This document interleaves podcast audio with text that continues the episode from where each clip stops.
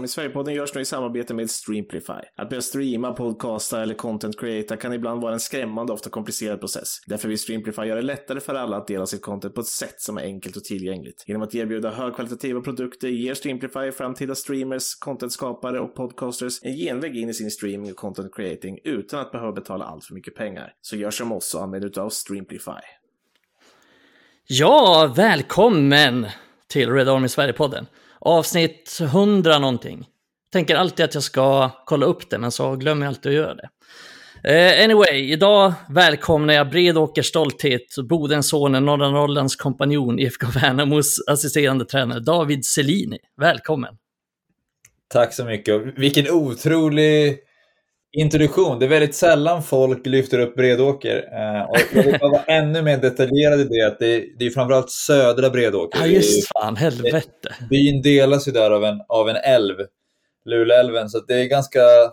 När man pratar med människor från Bredåker så är det väldigt viktigt vilken sida man kommer ifrån. Och jag är från söder då, bara för att göra det väldigt tydligt. Men eh, fotbollslaget heter inte Södra Bredåker, va? Det heter bara Bredåker. Eller det finns inte kvar, tror jag. Precis, men det, heter det är en sån här du vet, att man ska få hela, få hela byn att känna sig som en. Men, men vi vet ju att, att även i sådana samhällen så, så, kan det bli lite uppdelat. Och, och så är det faktiskt även i Bredåker. Aha, okej. Okay. Nej, men du har ju blivit lite av en inventarie som vi har med som gäst. Några gånger per säsong i alla fall. Hur är det med dig? Ja, nej, nej, det har faktiskt blivit så. Nej, det, det är bra tack. Vi, eh, vi eh, vann ju vår match senast här mot, eh, mot, mot Brommapojkarna, så då brukar det vara positiva tankar och känslor de, de dagarna som efterföljer det. Så att, eh, den här veckan eh, mår jag väldigt bra. Sen får vi se efter måndag när vi möter Degerfors hur, hur läget är efter det. Men, men eh, just idag så är jag väldigt glad över att få sitta och surra United mer. Ja, det blir kul. Nej, men det blir en viktig match för er, tänker jag så spontant, mot Degerfors. Att liksom hänga av dem på något sätt, även om det går, och även om ni kanske har lite högre ambitioner, det går väldigt bra för er. Ja, vi, vi försöker ju som, som alla andra vinna varje match vi spelar. Att, eh, vi, vi, tar en match i taget. Ja, ännu en klyscha. Fan, du börjar bli varm i den här, i den här proffsrollen, David. Ja, man börjar bli lite tråkig. Jag ska försöka vara lite, behålla mitt, eh, mitt äkta jag lite längre. Ja, det får du göra. Men vi ska även välkomna in, eh, icke att förglömma, Adam Stenberg. Mannen, myten, legenden. Tack ska du ha. Hur är det med dig Adam? Jo, men det är bra. Det är bra. Jag sitter här och myser med eh, den svarta katten. Har tagit mig en bärs och eh, bara känner mig så jävla mysig trots att semestern är över. Men att jag får sitta och podda med er. Inte minst eh, Bodens Peter Taylor som kommer in med sin expertis. Och bara Ja, men det är så jävla kul att ha det här David. Jag bara satt och mö mös, mjös, mös nu när du pratade om den där eh, ån i Bredåker. Jag tänker som så här Nottingham, Notts County, liksom, att det är två arenor på var sida av den där ån. Eller, eller är det två ladugårdar? Vad är, vad är det man ser vid ån liksom? ja, tyvärr så är det väl den senare beskrivningen som är mest, eh, mest relevant. Men nej, det är en väldigt fin eh, älv, för att vara tydlig då. Älv, eh, förlåt. förlåt eh, med, med, en bro som binder samman de här två samhällena. Det finns fotbollsanläggningar, eller fanns fotbollsanläggningar på båda sidorna, men tyvärr har den ena fått, eh, fått växa igen och sen den andra blev, blev konstgräs. Så det, det har hänt lite grejer, men, men på något sätt så sådana där samhällen och sådana där anläggningar, det vet ju mycket bättre än, än någon annan. Ja. Det lever ju alltid kvar en känsla och en, en jag vet inte vad man kan säga, någon form av harmoni i de här norrländska fotbollsklubbarna som är, som är fantastisk. Även om min, min klubb då knappt haft ett lag de senaste tio åren. Men det finns ändå någonting där. Ja, eh, det här kan vara den mest ointressanta poddfrågan någonsin, men eh, ligger eh, arenan nu i södra eller norra Bredåker? Den ligger på södra. Ja, för fan. Viktigt för dig där. Ja. Ja, nej, men vi ska tyvärr, vi hade kunnat sitta och snacka Bredåker hur länge som helst. Vi ska släppa lite det och kom in lite mer på det vi är här för att prata om helt enkelt, Manchester United. Eh, vi hade tänkt prata lite om försäsongen och sådär, hur det har gått, våra tankar om det, men jag tror att vi, vi har så jävla mycket vi ska hinna med, alltså vi, vi släpper lite det och tänkte inleda med eh, det som har hänt idag. Det är ju att eh, alla de stora, de stora medierna rapporterar om att United accepterat ett bud på Harry Maguire på 30 miljoner pund. Eh, och jag tror att vi är alla ganska ense om att ja, men Harry Maguire kanske inte har någon större framtid i United, men det som jag är mest nyfiken på är era tankar kring, alltså, behöver United ersätta Maguire? Vad, vad tänker du Adam? Alltså, man får ju ta in allting eh, i sitt sammanhang med att ja, vi, vi, vi kanske har, eh, som jag ser det, kanske mittfältet viktigare att eh, förstärka. Eller till och med kanske eh, en högerback före att ersätta en, en mittback. Liksom. Men, men sen i sin sak, alltså Varann skulle kunna skada sig efter första matchen i flera månader. Vi vet att han har en, en skaderisk. Och, och då är det en annan situation. Vi, vi kan leva med att ha liksom Lindelöf och Shaw som backups. Men ja, jag, jag har inte riktigt landat i den eh, frågan. Men det beror nog på lite vad som händer. Det har ju ryktats om lite mittbackar. Och en som har kommit upp tycker jag är intressant. Men innan det började det ryktas om de mittbackarna. Det kom ju fram tre olika namn nu från Romano under onsdagen. Så Nej, men på din fråga för att vara kort. Jag tycker inte det nödvändigtvis är så viktigt. Jag tycker inte det, för vi har så som ett alternativ som man kan glömma lätt. Men eh, ja, om det blir Pavard, då skulle jag faktiskt gå igång på det. Så är det. Men eh, David får hoppa in här för att eh, jag vet att du har lite åsikter om just här vänster mittback och höger mittback. Men jag tänker ur Uniteds perspektiv så har, och Erik Ten Hags perspektiv så tänker de ju mycket på just att United vill få in en höger mittback och som höger mittback ser de liksom Maguire, Lindelöf och Varann. Och Varann är, precis som du säger Adam, väldigt eh, skadebenägen, börjar bli lite till åren också, eh, kan inte riktigt spela hela tiden. Han är ofta en sån som, Erik Ten Hag roterar inte särskilt mycket, men när han väl roterar så byter han nästan alltid ut Varann för att han inte kan, kan spela hela tiden. Så det är väl lite där, vad tänker du om det David? Eh, jag, jag tror att det är ganska eh, smart att, att plocka in eh, en, eh, en mittback till för att det är ju, rätta mig här om jag har fel, men det är liksom Varann, Martinez och sen har du Lindelöf mm. och sen har du Shaw som du sa, som kan spela. Eh, det känns, tycker jag, som att jag håller med att Varann skulle kunna gå sönder när som helst. Jag tror också att att det är smart att plocka in en, en mittback till som, som eh, kan... Alltså antingen tar man en yngre mittback. Eh, jag såg ju den här uh, Todibo i Nice som är några år yngre eh, än, än exempelvis Pavard. Som jag, om, jag, om jag inte har rätt så, så rätta mig, men 23 mm. tror jag han var. Eller sånt där. Ja, 24. Ja, 24. Så där, det är ju en, en spelare man plockar in på sikt också, vilket gör att skulle man ta in en sån spelare som som jag inte har någon koll på. Jag har aldrig sett killen spela. Men, men om det är en spelare som man tror på över tid så tror jag det är en jättebra värvning att göra nu. För då kan ju den spelaren alternera med, med, med varann. Det är också någon som, som kan vara en ersättare, men det behöver inte vara att man köper någon som ska gå in och spela imorgon varje match, utan man, man kan bygga det lite över tid, vilket jag tycker är ett smart sätt att, att handla på. Eh, skulle man däremot plocka Pavard, som är för mig en, riktigt bra back redan nu, då har du en spelare som också skulle kunna spela högerback och göra det riktigt bra. Där, där, eh, där du liksom kan få ut, okej okay, han är inte någon som kanske man bygger på att han ska spela i 15 år i United, eller 10 år, men det är en spelare som kan komma in, vara riktigt bra redan idag, men också fylla fler än en position, vilket jag tror bara kan, kan hjälpa dem också. Så jag, jag, tror att det är ganska smart att, att plocka in någon just med tanke på varans skadehistorik. Ja, men jag, jag, tänker också på det. Sen tänkte jag på en annan sak kring det. Att om vi tänker på just så här, truppbygge, som du, som du var inne på där, så har vi ju... Alltså säg att varann går sönder, så har vi kanske Lindelöf, Luxo och Martinez.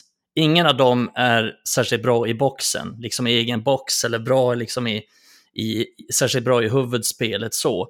Så jag tycker också att det vore relevant att få in en jag har ju tänkt det tidigare också, men att kanske vilja skjuta upp det ett år. Men jag tänker nu när Maguire säljs så får vi in deg att kunna köpa en ung mittback som är som Maguire fast bättre, om ni förstår vad jag menar. Liksom att han har de styrkorna som Maguire har kanske.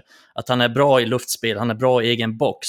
Men också en spelare som är Ja, Maguire ska ju vara bra med fötterna, men sen är han ju lite långsam. Men alltså att vi får in en spelare som är bra i egen box, men också bra med bollen. För det är ju inte varann heller. Alltså varann är ju ganska stabbig med bollen och alltså alla våra mittbackar har några sådana här svagheter. Så att vi får in den typen av mittback som kan vinna de här duellerna också. Det tror jag skulle kunna vara viktigt. Dels nu, men också på sikt. Att få in, eh, att, att få in den spelartypen. Så att det är lite därför jag tänker att United eh, kollar mycket på mittback och Det har ju ryktats mycket om mittbackar. Eh, och det tror jag är, är just, just därför. Ja, men jag förstår också argumenten som jag sett på Twitter om Pavard under morgonen. Att ja, men absolut, det kanske är en för bra back att eh, ta in som en reserv som kanske inte bara vill sitta på bänken. Men jag tror inte han kommer in och bara kommer sitta på bänken. Jag tror han kommer kunna komma in ganska snart som högerback. För att sen kunna alternera ibland som mittback, bara för att vila varann. Men alltså han är en bättre mm. högerback än både Dalot och uh, ABB. Och det är framförallt för att han passar i vårt spel. Han är jävligt trygg med boll. Och brytningssäker. Det är inte bara en bolllirare. Han är ju extremt brytningssäker. Ganska målfarlig också för att vara högerback. Så jag, jag ser liksom att uh, vi, vi, kan, vi kan växa. Vår, vi, vi, kan, vi kan ta bort vår svagaste punkt i laget om vi får in Pavard. Så därför går jag igång på det. För högerbacken, det var det svagaste vi har just nu. Ja, exakt. Jag håller med. Det, det, tycker jag är det positiva med Pavard. Att han har eh, att han är mångsidig, kan spela både högerback och mittback. Sen vet jag inte om han är liksom, han känns lite som en hybrid, som att han inte riktigt är världsklass i någon av de positionerna, men att han är, att han är bra i båda positionerna. Eh, så det går ju också igång på Velle Pavard, att han kan komma in och täcka egentligen två stycken svagheter som vi har lite.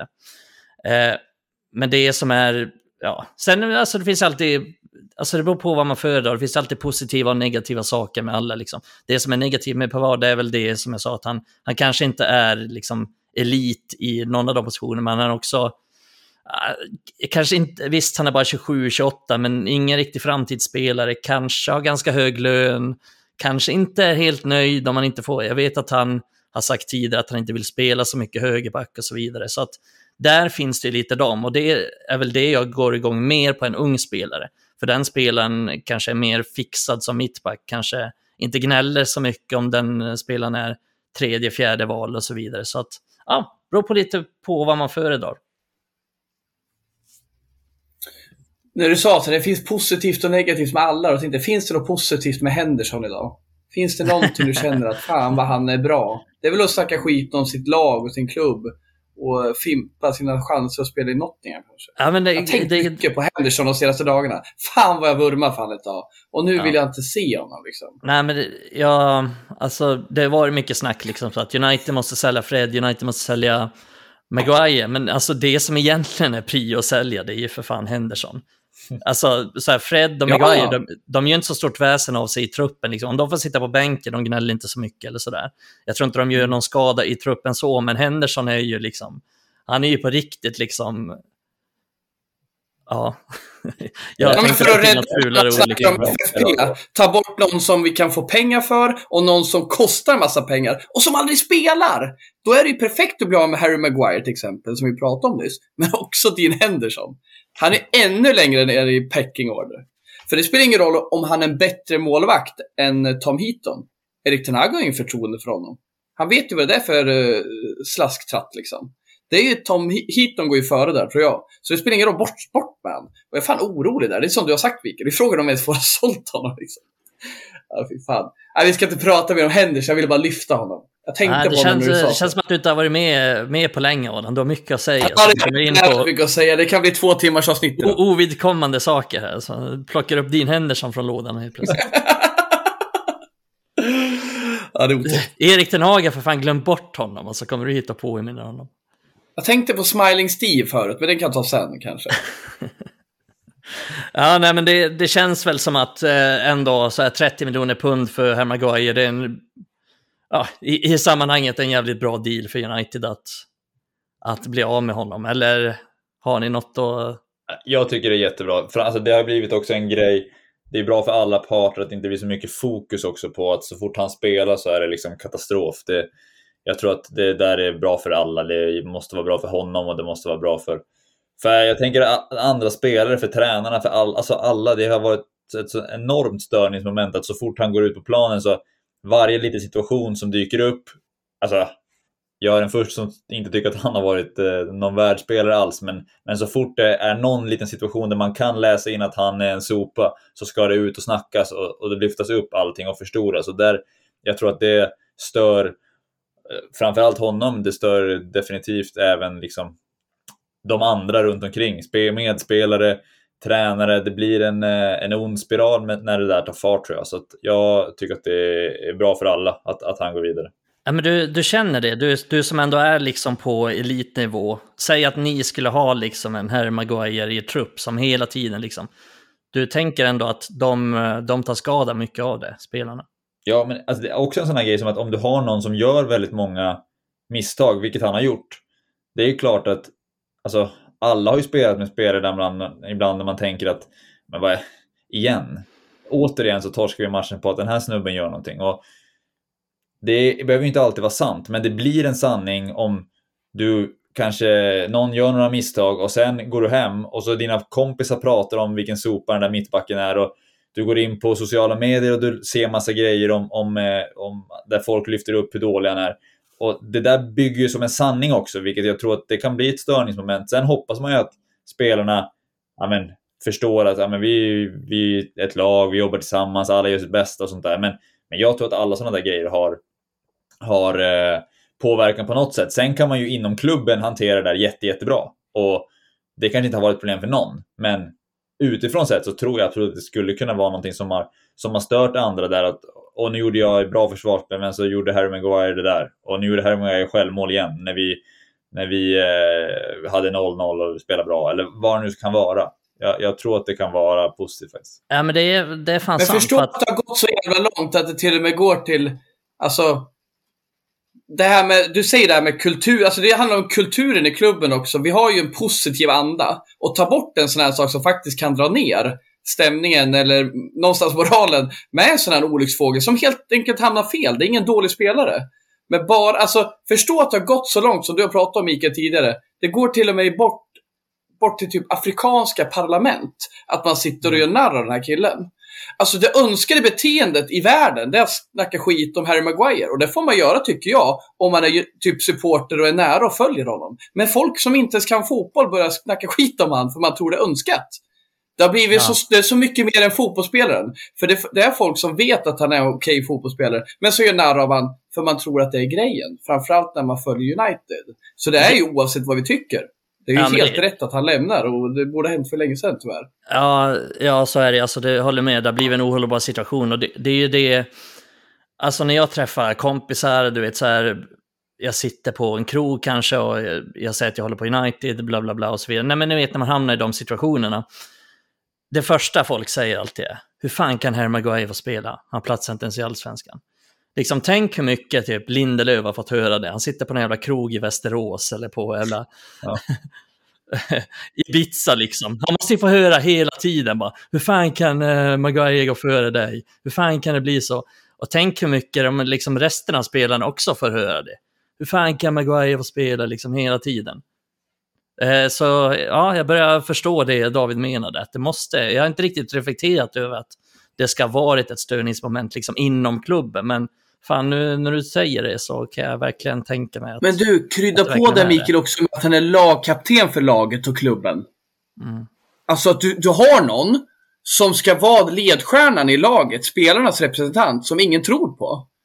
Vad, vad gör det med ett lag? Det vet ju du verkligen David som andas där varje dag. Alltså förstå då så Lindelöf. Det är inte bara lagkamraten, hans polare som är halvpackad i Västerås snackar om. Det är också kaptenen. Mm. Alltså det är helt barockt är det, hur långt det har gått. Och det tycker jag också med summa vill jag nämna. Jag tycker 30 miljoner pund är en perfekt summa för honom. Vi ska inte ha mer, men vi ska fan ha betalt för den här killen. För det hörs tjafs om att det är 20 miljoner pund vi ska bort han. Alltså idag går en City-talang som ingen vet vem det är för 15 miljoner pund. Vi ska såklart ha betalt för honom. Man glömmer att det är en landslagsspelare som mycket väl kan leverera på en mittennivå i Premier League. Han är Premier Ordinarie ett av världens bästa landslag. Ja, och liksom det blir, det blir jättekonstigt för mig att man inte fattar det. Men sen såklart, det kanske är för att han är ett, en narr. Han är någon man ska narra och då ska man ge bort honom. Kanske ja, det inte finns någon logik i det, att, men det blir på ja. fånigt. Men det känns ju verkligen som att det är bara David Moyes som skulle liksom ta i honom nu. Ja, det är det. Jag tror att det är Ja, det är så jävla David Moyes-värvning. David Moyes faktiskt. Jag, jag tror att det är perfekt. Ja, det kan göra att de håller sig kvar i Premier League. Jag, jag tror att det är jättebra. Och det, jag tycker att det är som sagt, det är därför jag tycker att det är bra. För att, så vitt jag vet har, har inte jag läst, och jag kan ha missat något såklart, men, men att han ska vara ett, någon dålig person själv liksom in, inuti klubben. Utan det känns som att han har hanterat det bra liksom, med att ha blivit petad och sånt där. Och som ni säger, alltså, han verkar vara en helt... Han verkar inte ha klagat så mycket, i alla fall inte utåt och sånt där. Och, så jag, därför tycker jag att jag tycker synd om killen. Liksom. Eh, mm. Så, att, så att eh, jag hoppas att det går hur bra som helst för honom i West Ham, men, men eh, jag är orolig att han kommer knoppa in en, en hörna eller en frispark mot, mot just United. Det, väl det kommer han. Alltså jag är så säker på att han kommer. Han kommer. Och så kommer målgesten också, det vet man. Så att, så att. Hyscha publiken. ja. Ja, alltså, Gör som gjorde England när så visar öronen, vet du. När I can't hear you. hade, han hyschat, hade han hyschat publiken så hade jag bara, fair enough liksom. Det är jävla fittorna som ja. buar ut honom. Absolut. Ja, jag skulle det... fan inte ens bli förbannad på honom. Nej. Jag hoppas fan han eh, slår tillbaka mot alla som varit så jävla fula ja. mot honom. Fan vad det måste vara jobbigt att liksom inte kunna säga någonting. Eh, I princip. Att han måste ha mått piss liksom varje natt. Tänk när han har gjort ett misstag och så går han liksom, du vet en så här sen match, veckomatch. Eh, så, här, så går han och lägger sig efter matchen liksom. Han kan inte sova en blund. För han vet vad som väntar liksom nästa år. Äh, det måste vara hemskt. Så jag tycker också, för att eh, liksom wrappa ihop det så, eh, så tror jag också att det är, en bra, det är en bra affär. Jag tror han kommer vara bra i West Ham, jag tror att det är bra för Maguire, det är bra för United. Det är bra för West Ham, det är bra för alla liksom att det här ja. händer. Så att det är bara att gå vidare och jag tycker också att vi går vidare och släpper den här Harry Maguire-situationen för gott, förmodligen. Eh, jag tänkte på en annan sak, så nu närmar ju sig eh, säsongen med stormsteg och jag tänker liksom så spontant fundera lite på det idag, att elvan eh, som vi kommer ställa upp med är väl, vi kommer komma in på det senare, men den är väl hyfsat klar så här. Det, det är en position som jag funderar på och som jag tror att Erik Den Haag funderar på. Och det är högerbacksplatsen, situationen kring eh, van Bissaka och Dalot. Kanske den svåraste positionen att sätta för Erik. Eh, vem tänker ni startar helgen och vem tänker ni ska vara den ordinarie högerbacken egentligen? Tänker du David? Eh, jag tror att det där är en sån här situation där jag tycker att de är eh, jämn, eh, jämna faktiskt, eh, men att de har alltså, väldigt olika positiva egenskaper som spelare. Jag, jag tycker att Van Bissaka, en mot en defensiv, som alla sagt i alla år, är eh, toppklass. Alltså det är, vissa matcher han har gjort eh, nu under, under den här säsongen som, som, eh, som var, eller förra säsongen, den, den, eh, hur han spelar en mot en mot Mitoma och sånt här, det var ett absolut toppklass tyckte jag. Och han gjorde någon match, jag tror att det var Newcastle, i cupfinalen där när han spelade mot, mot eh, var det Saint Maximin som han ja om han, jag vet inte om han blev inbytt i den matchen man besöka. Eller om ja, var, det blev han. Ja, och, och, han, var, han var overklig. Och, och det där är ju perfekt att kunna använda i de matcherna när du ställs mot en sån spelare. Eh, sen tycker jag att han är ju för dålig i andra delar av spelet där, där jag tycker att United borde vara dominanta med att driva matcher med boll och sånt här. Eh, där, där jag tycker att Dalot är bättre, även om jag inte tycker att Dalot är någon, någon världshögerback heller, så tycker jag att han är bättre i de delarna. Och den här träningsmatchen mot, mot Lans så var han inne mycket och spelade centralt. Och de, de flyttar sig mycket nu och roterar mycket i, i speluppbyggnaden med att ytterbackar kommer in och ibland är de ute. Och, och mittbackar kan kliva upp ibland också, vilket jag inte alltid tycker ser superbra ut när varann hamnar liksom felvänd framför, framför backlinjen. Och de har en del problem att typ nästan släppt in varenda mål känns det som på försäsongen har varit. Att de har haft bolltapp, ibland mm. oprovocerat. Lansmålet ett exempel. Det var något mot Dortmund, det var mot Bilbao med, det var mot, eh, mot något annat lag också. Alltså, typ alla mål mot Dortmund var så, tror jag. Ja, ex exakt. Och, och där tror jag att de kommer bli bättre med Onana, men, men att i själva verket, om de ska bli bättre där, så kommer det vara svårt med en högersida med Varann och Wan-Bissaka i matcher man ska föra.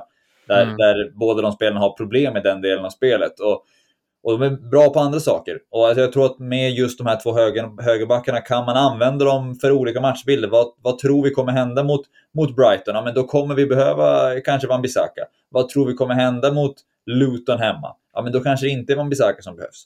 Så att, att kunna alternera mellan spelarna tror jag är jättebra för, för, eh, för lagets chanser att, att göra bra matcher på olika sätt och använda spelarnas egenskaper till, till att passa in i olika matchbilder. Det tror jag är supersmart. Sen exakt vad som händer mot Wolves, det tycker jag är svårt att veta med tanke på att Wolves har inte ens en tränare. Så där skulle jag nog gå på att jag tror att United kommer ha mer boll och då ska jag nog spela Dalot där. Men, men eh, över hela säsongen så skulle jag alternera på dem duktigt. Om de inte värvar in en ny liksom.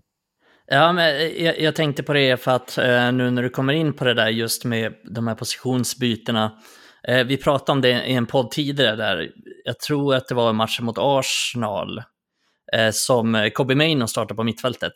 Eh, och då kom han eh, ofta ner i högerbacksplatsen och skötte liksom upp spelen eh, från högerbacksplatsen. Och Fambisaka var ju nästan som en Alltså han var ju typ högre upp än, jag kommer inte ihåg om det var Anthony som startade då. Jag tror Anthony, om, säg att det var Anthony som startade, så gick Anthony in i planen.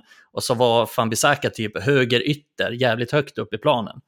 Eh, så att då löste ju Ten Hag just den problematiken som du nämner där med Fanbisaka och Varann, för jag håller med, de, ingen av dem är särskilt bra med bollen eller bra i uppspelsfasen. Så då löste han det genom att ta ut Kobe Maino i den positionen. Så det är ju, nu är ju Maino skadad och kommer inte spela den den här premiären och om, säg att jag tror inte Casemiro liksom kommer gå ner i den positionen för han, han är inte heller superbra i de lägena. Så att, eh, jag tror faktiskt att just mot Wolves så kommer Dalot starta, men eh, nej, jag, jag har inte så mycket att tillägga egentligen, för jag håller med dig helt här David, att det är liksom eh, beroende på vilken match så, så har vi två ganska bra men väldigt olika högerbackar som man kan få nytta av båda. Vad tänker du Adam? Är du vaken? Ja, för fan. Ja, var det min tur? Ja, nej, men jag tänkte bara säga att jag tror ju på Dalot fundamentalt av de två. Eh, jag tror ju inte egentligen på någon eh, på sikt. Jag har tappat lite Dalot för att han... Eh, jag tycker inte att han utvecklas defensivt. Jag tycker att han hade en bra höst, men han kommer tillbaka till en vår där han... Ja, men liksom han behöver verkligen vara på topp för att vara bra han har inte en, en stabil defensiv i grunden. Och uh, ja, men det kanske inte kommer hålla på sikt, men jag tycker just det här som David var inne på med att, att ytterbackarna i Ten Hag-spel ska kunna komma in centralt i planen och vara flexibla och vara tillgängliga. Och där tycker jag att Dalot är eh, dubbelt så bra, eh, vad den nu än säger, än ABB. Men som David säger såklart, i vissa matcher där kommer ABB vara, vi kommer verkligen ha nytta av hans förtjänster med framförallt en mot en och att han är mer fysiskt stark liksom och, och bättre dueller och snabbare eh, i defensiva ytor. Dalot är ganska underskattat snabb på långa sträckor, men han är inte alls lika rapp som AVB. Men det jag tycker är absolut fundamentalt är att Dalot passar mycket bättre i eh, Eriks spel, men jag tror liksom två år. Eh, jag tror inte någon av dem kommer starta då. För eh, för Dalot måste kliva på och det tror inte jag han gör riktigt defensivt. Men jag tycker offensivt så är han bra. Han är jävligt bra i små ytor och spelar sig vidare. Framförallt på eh, övre mittplan liksom. I offensiv plan. Jag tycker han är lite, lite för seg defensiv fortfarande. Så det, jag tror inte han kommer utveckla Han kommer inte bli rappare. Det kommer han inte bli tyvärr. Nej, jag vet inte om du delar min tanke. Jag tycker han kan vara ganska snabb när han får löpa. Men här jo, första men han... 30 meterna, då är, går det inte fort alltså. Nej, men han har ju hög topphastighet. Liksom. Alla de här mätningarna som alltid gör så, så ligger han ju högt liksom, i, i topphastighet. Så, att, eh, mm. så, så, han, är ju, han är ju snabb på en viss typ av sträckor, men eh, som alltid liksom, så ska man ju ta eh, topphastighet med, med en nypa salt, för det är inte alltid så jävla värdefullt i fotboll. Liksom se på Messi till exempel, han har inte den högsta topphastigheten, man har ju den typen av snabbhet som är viktig i fotboll, liksom vara snabb på korta sträckor. Men vadå, menar du att Adama Traore inte är bra eller? Nej, det är han inte. Han är fan inte bra. Där har vi ett exempel.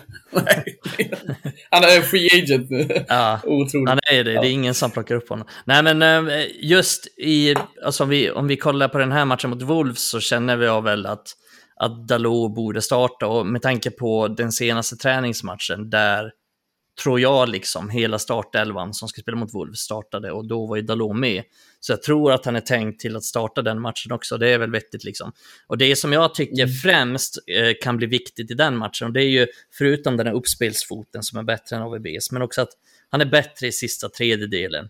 Alltså, det jag är orolig för inför den här säsongen eh, generellt och eh, liksom varit den senaste säsongen också, det är ju att vi gör lite för lite mål. Eh, och jag tror att får vi en, liksom, en extra gubbe som på något sätt, inte, jag menar inte att Dalot är liksom någon målmaskin eller assistmaskin, liksom, men han är ändå bättre i sista tredjedelen, han har förmågan att att uh, göra lite mål och göra lite assist. Så jag, jag, tror att det också... Jag vet hålla momentum längst upp, alltså hålla vid bollen och, och, fortsätta pressa på. Det är mycket bättre än AVB. AVB är mycket bättre på att spela hem bollen då, för att han blir pressad.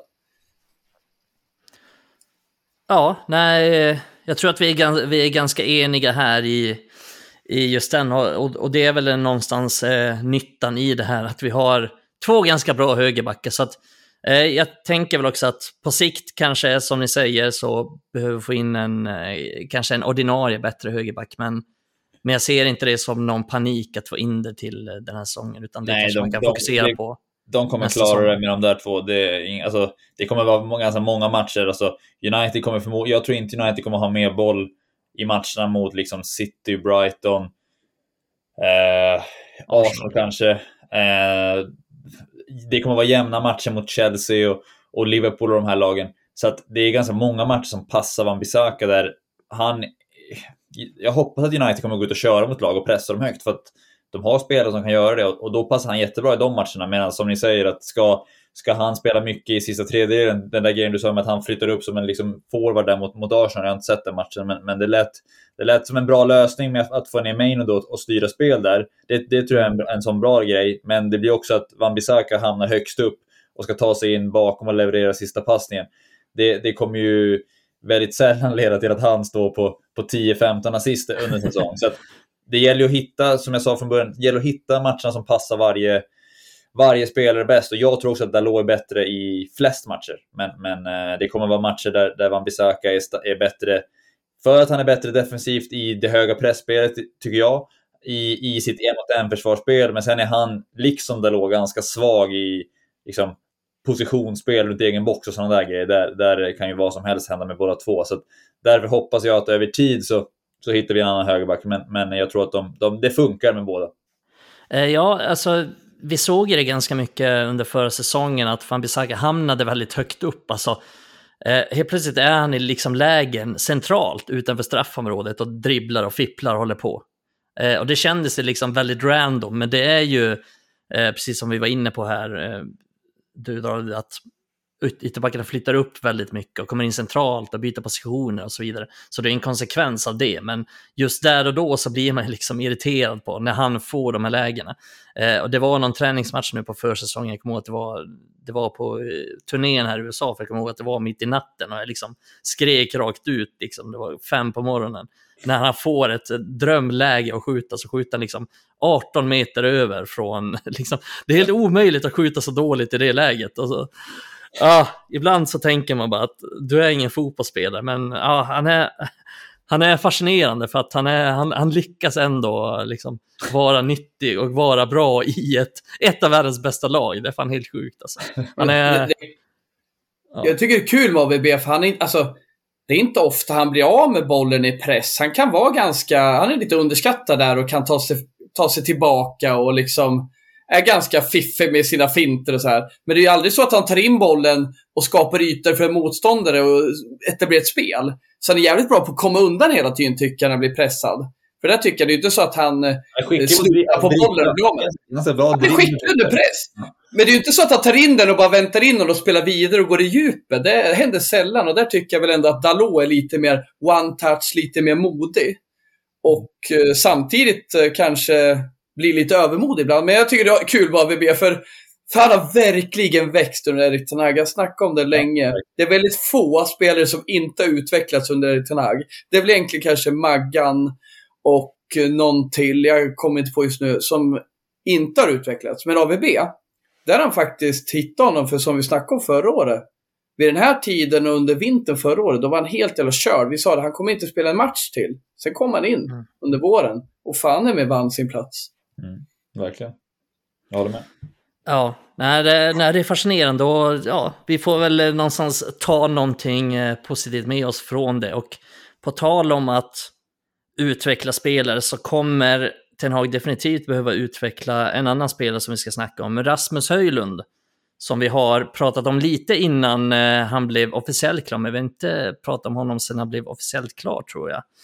Eh, så jag tänkte att vi ska prata lite om honom eh, och hur väl han kommer passa in och hur redo han är att sätta sin prägel på den position som han ändå ska komma in på. Han kommer in lite som en, jag vill inte säga frälsare, men han, han blir ju liksom vår enda naturliga striker egentligen. Och han är ju dessutom skadad nu och kommer missa inledningen av säsongen. Eh, det snackas om att han först kommer bli spelklar till matchen mot Arsenal den 3 september. Så dels, hur tänker du att han kommer passa in i United, David? Eh, jag tycker först och främst att det är en väldigt eh, rolig värvning eh, kopplat till att värva en spelare som, som eh, kommer förhoppningsvis kunna vara bra över lång tid.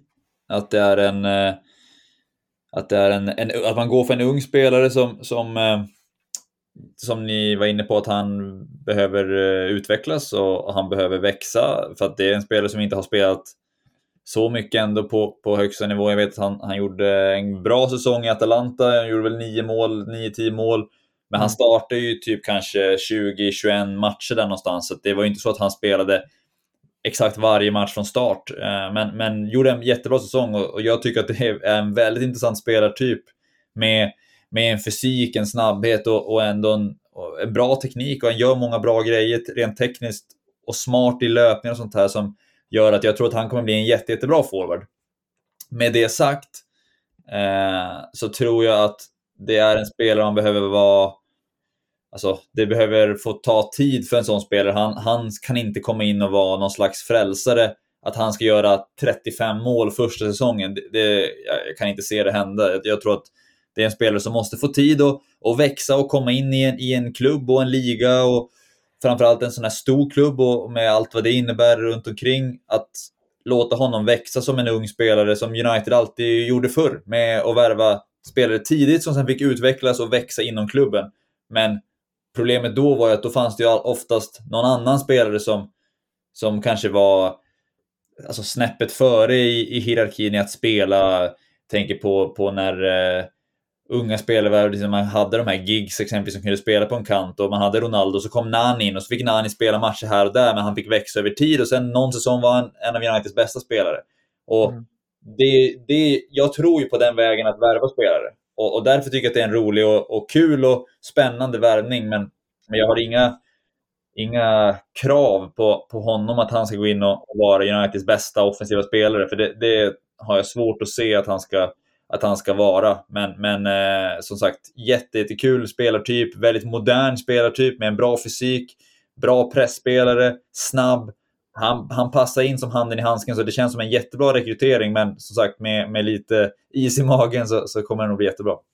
Men hur, hur ska man hantera det här, tänker jag, ur ett, eh, som tränare liksom i ett lag? Att jag läser ju redan nu, liksom, döda mig. Ja, jag sitter och läser, eh, haft semester, sitter och läser, kan inte låta bli att sitta och läsa ibland så Aftonbladet kommentarer.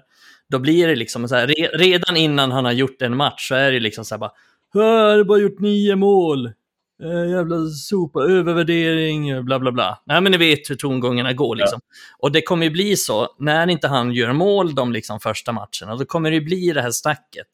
United betalade si och så mycket, han gör inga mål hur ska man hantera det liksom? Som om, säg att du är Erik Den Haag, David. Hur ska man hantera den typen av kritik? Nej, alltså det, det, det svåraste måste ju vara, som jag kan tänka mig, är ju det här utifrån. Att, att vad heter det, man går in med, med en, en, ett intresse som är så enormt att varenda person som inte håller på United kommer leta efter, lite som med Maguire, men, men eh, inte på samma sätt ändå för att det är så mycket negativt där. Här kommer det vara hela tiden att hitta, okej, okay, nu har inte han gjort mål på fyra matcher, vilken flopp, sådana där grejer. Men inom klubben så måste det ju finnas en plan för spelaren, det måste finnas en plan mellan tränare och spelare, hur ska vi använda dig? Sen kan ju mycket väl Höjlund, om han är frisk, han kan ju starta varje match ändå. Men att han ska vara bra i varje match, det tror jag inte. Då gäller det, tycker jag, att man som klubb, som tränare, är duktig på att utvärdera vad spelaren faktiskt gör och vad behöver han bli bättre på. Nu har du gjort man kan, man kan följa upp efter en match och titta att ja, men nu, du löper till rätt ytor. Du, har, du missar avsluten. Vi behöver jobba vidare med att du ska vara bra i de situationerna. Vi måste jobba med att du får rätt bollar utifrån löpningarna du tar. Så man inte bygger upp en bild av att en forward är bara bra om han gör mål. Eh, vilket är såklart jätteviktigt. Men om Höjlund kan pressa fram 14 bollvinster högt under säsongen som Anthony eller Garnacho eller Rashford gör mål på och han får ingen assist eller någonting, men han är bidragande i det då fyller han ju också en funktion. Och kan man följa upp, det, det kommer aldrig funka med, med liksom grabbarna på, på eh, Aftonbladets kommentarer. Det, ju, det kommer ju aldrig gå. Men de, Höjlund är inte värvad för att de som hatar United ska kunna, inte kunna säga någonting. Han är ju värvad för att man ska kunna bygga ett bra lag på, tid, eh, på sikt. Och, och, där tror jag att, att det är ett jäkla ansvar på, på Ten Hag och, och, och, staben där och övriga spelare att, att inse att det här kommer nog få ta lite tid. Det är lättare sagt än gjort, men, men jag tror att kan man utvärdera det så hela tiden och se nyanser, då, då tror jag att det, att det kan bli jättebra. Men det, jag förstår ju inte trycket i Manchester United såklart. Det, det är ganska lugnt i IFK Värnamo kan jag säga. Så, att, så att kan man bara kan man bara få ner det till vad det faktiskt händer på planen och inte vad, vad snacket är runt omkring så, så tror jag att man kan hantera det ganska bra och, och att det måste vara okej okay för Höjlund att sitta på bänken i tre, fyra matcher. Om mm. Rashford spelar exempelvis och gör det mm. bra som nia, vilket han måste få göra även om han vill spela till vänster och sånt där. Så jag tror att det, här i början på säsongen kommer Rashford säkert spela nia. Och, och om han gör det sen under säsongen också ibland, så då måste det få vara så. Liksom. Ja, eh, ja jag, tänk, jag tänkte på det också att eh, just hans liksom styrkor där som du nämner, att det kommer passa United ganska bra. För att det tycker jag United har saknat väldigt mycket, att man har en Alltså även om vi har spelat med Martial, jag tycker Martial när han väl har spelat, säkert, det här är väl en opopulär åsikt, men jag tycker han ofta är ganska bra, eller han är nyttig för laget, han är bra för laget. Även om han inte kanske har gjort supermånga mål eller sådär, så, så är han alltid bra i det här länkspelet, och i bollmottagningen och sådär. Och jag tänker att Eh, just Höjlund eh, kommer vara väldigt nyttig eh, i det, att han river upp sår i motståndarnas försvar och hela tiden ger ytor till, till de andra spelarna, men också att han har något slags hot i boxen som de andra spelarna i United inte riktigt har. Och det har jag saknat och där tänker jag att kraven från Uniteds fans är ändå ganska låga tror jag. Så att så länge han gör något mål här och där eh, och tar de här löpningarna så tror jag att, att, att supportrarna kommer ändå vara ganska förstående för det. Så det är väl förmodligen egentligen mest bara tomtarna liksom i Aftonbladets kommentarsfält som kommer skrika sig hesa. Eller eh, håller du med Adam? Eller är jag helt ute och cyklar här? Nej, men jag håller helt med. Jag tänker osökt på eh, Wout Weghorst eh, första månad i United, där vi fortfarande inte visste utfallet av hans eh, lån. Och det var ju positivt. Han var ju väldigt bidragande i taktiken med sitt pressspel, med sin dynamik, med sin eh, tåga hela tiden. Vilket jag tror att eh, Höjland kommer göra det tio gånger så bra, men han kommer likt Växjös vara väldigt gedigen i pressspelet, förstå eh, tränarens behov av en dynamisk forward som pressar och som går i djupet. Växjös gjorde det, men han gjorde inte målen. Det tror jag Höjland kan göra. Och det, det är som du säger, jag tycker inte kraven har varit särskilt hårda eh, på, eh, på kort sikt. Det är väl på längre sikt när man börjar snacka skit om att Fred duger inte, Maguire duger inte så här. Men jag tycker mm. vi har jävligt mycket tålamod. Till exempel som en sån här med Sancho. Där snackar motståndarfansen om att han är flopp. Men vi har gett han många säsonger och kanske slutet på förra säsongen eller nu börjar det gnisslas. Men vi har tålamod i den här klubben. Unikt tålamod för den här eh, branschen tänkte jag säga. Ja men faktiskt, jag tänker typ så här på, tänk om Sancho hade spelat Real Madrid, liksom Barcelona, alltså det hade varit ett sånt jävla liv. Men alltså, vi supportrar säger ju egentligen nästan ingenting om Sancho. Liksom det är ju bara, ja men han har inte varit så bra hoppas han blir bättre liksom. Så det är ju väldigt bra klimat just internt tänker jag. Men sen också att man får ha, jag kollade upp lite siffror här, hur, han är ju bara, Höjlund är ju bara 20 år och jag började kolla på siffror liksom, så här, triggad av dem i Aftonbladets kommentarsfält. Eh, just så här, liksom, han gör så få mål, börjar kolla upp liksom. Har de här stora anfallarna liksom så här, Harry Kane, har eh, Benzema och dem. De har ju gjort färre mål i den åldern än vad Höjlund har gjort. Så det är ju liksom så här, jag kollade på Benzema, Suarez, van Persie, Harry Kane, alla de har gjort färre mål i 20-årsåldern. Sen började jag kolla på de här anfallarna som är i topplagen idag i Premier League, typ så här eh, Darwin Nunez, eh, Nicholas Jackson i Chelsea, Jesus, alla de har gjort färre mål än Höjlund i den åldern. Så att då får man också lite perspektiv på att det är inte så jävla konstigt att en eh, 19-20-åring inte öser in mål i, i en toppliga som Serie A ändå är. Så att jag tror att man får ha lite förståelse just också med, med det här målskyttet. Så länge han gör de här bra sakerna, precis som du säger David, så länge han tar sig in i de här rätt ytorna, så länge han tar de här löpningarna, så länge han liksom kan bidra i det här targetspelet, så tror jag att han kommer vara, kommer vara nyttig den här säsongen. Sen tror inte jag heller att han kommer göra liksom 30 mål den här säsongen, men jag, jag tror ändå att han kommer göra, säg att han gör mellan 10 och 15 mål den här säsongen kanske, i alla turneringar. Då tycker jag att det är hyfsat och att man liksom kan bygga vidare på det. 100 procent, det, det ska jag säga. Gör han 15 mål eh, i alla turneringar, kan han, då har han gjort det jätte, jättebra första året, tycker jag. Kan han komma upp i 20, det, då är det absolut toppklass. För att om du... Alltså, en 20-årig forward, han startade kanske, ja, jag vet inte exakt, men säg 20 matcher i, i Serie A. Och gör 9 mål på det. Det är ganska bra. Det är varannan match för en så pass ung spelare. Sen vet jag att han hoppar in säkert i jättemånga matcher också, så han har säkert spelat en 30-35 matcher ändå i, i Serie A. Men, men det är ett bra lag. Han har konkurrerat med bra forwards där och har fått spela där. Det är, de har jättebra forwards. Zapata, Muriel, det är ett super, super bra anfallare. Eh, mm. Så att det är en bra spelare. Det är en spelare som kommer bli jättebra med tid. Han har alla egenskaper som, som klubbar köper forwards för nu. Eh, ja, du nämnde Nunez. Nunez är en sån här spelare som jag tror kommer vara grym i år för Liverpool. Eh, utan, utan att veta hur han har varit på försäsong, om han är skadad eller sånt där. Men, men bara utifrån vad jag såg förra året, tror jag han kommer vara grym för Liverpool. Han gjorde väl kanske en 9-10 mål också i, i, i, Premier League förra året. Mm, men mm, det är också den typen av, av forward som, som kommer fram nu. Och jag tror att Höjlund kommer vara, kommer vara bra i många matcher i år. Han kommer vara mindre bra i andra. Det känns som en bra avslutare, men om inte han får chanser att avsluta i matcher så kommer inte han kunna göra mål. Håland ligger ju ibland och har 9-10 touch på en match. Mm. Eh, får han de touchen i avslutslägen så kan han göra tre. Det kan vara samma sak med den här killen, men det kan också vara att du får de touchen på andra ställen för att Fernandes missar ett inlägg eller Rashford kommer inte förbi backen.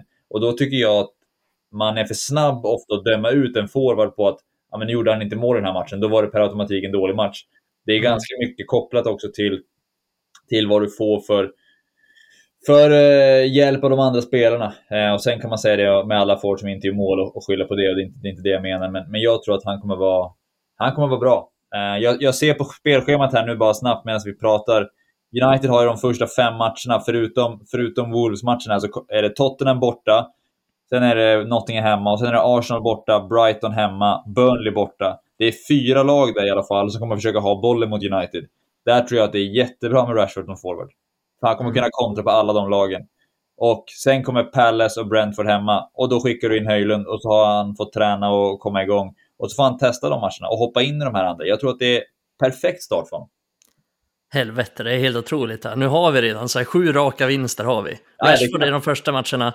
Äh, fy fan, vi kommer vinna ligan. Det är klart. Det är klart.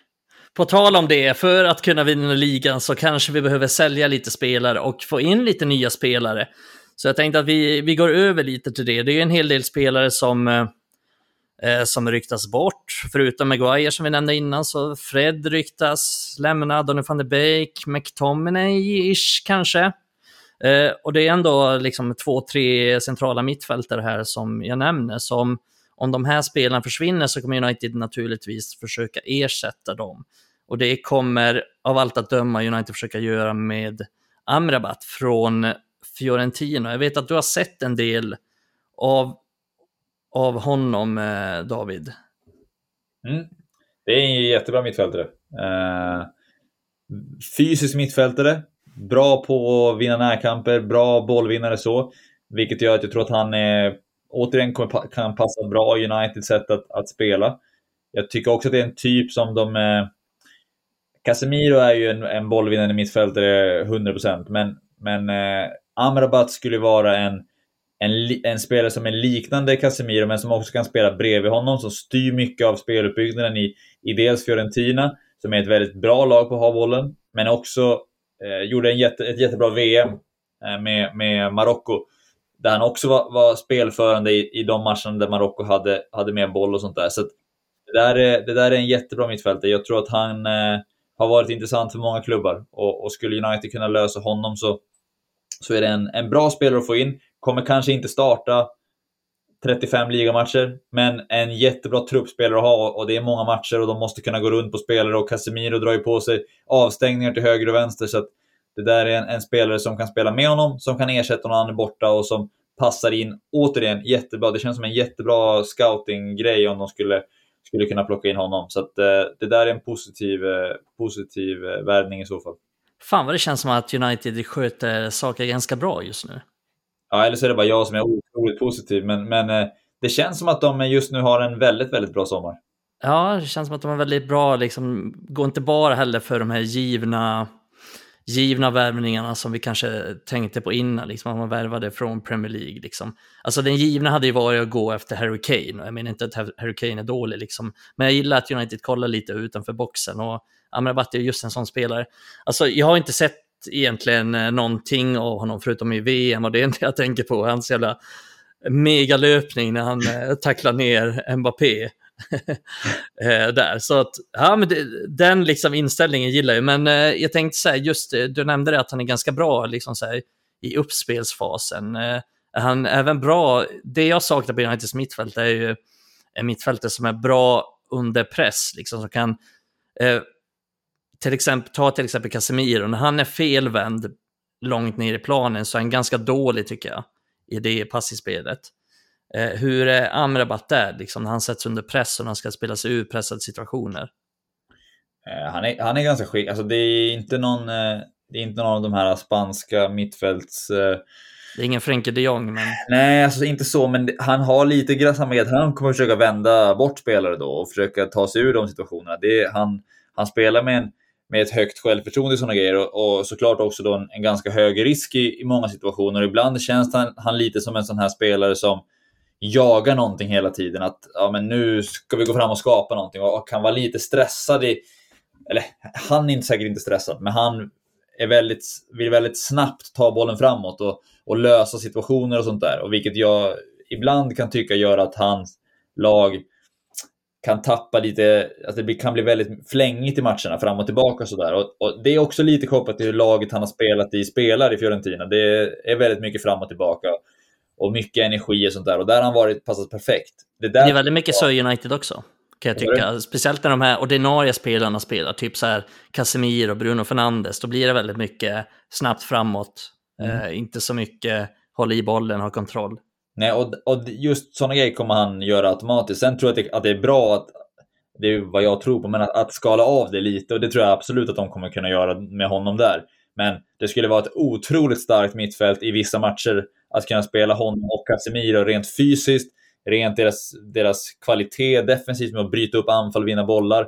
Men också för att, för att han är en bra passningsspelare. Det, det är, både långt och kort kan hitta passningar. Det är som sagt det är inte den renaste tekniska spelaren, men, men han är tillräckligt bra för att, för att styra spel i ett bra Serie A-lag som jag tror hade liksom topp 4 possession i, i, i Serie A. Så att det, det, jag tycker att det är en, en bra mittfältare. Det är inte världens bästa eh, defensiva mittfältare, men, men han är tillräckligt bra för att vara en uppgradering på de spelarna som finns där eh, runt omkring i, på Uniteds centrala mittfält. Han är, han är bättre än, än de här som du pratar om ska kunna säljas 100%.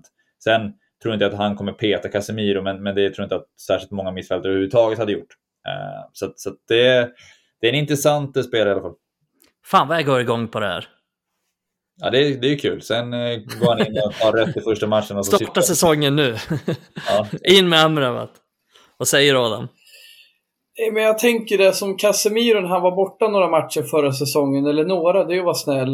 Men vi tappade så jävla mycket intensitet. det var säsongen känns alltså. det som. Ja, alltså vi saknar så mycket intensitet centralt och jag gillar ju idén med att vi får in en till blodhund som verkligen kan ösa och, och bidra i den här intensiteten i pressspelet.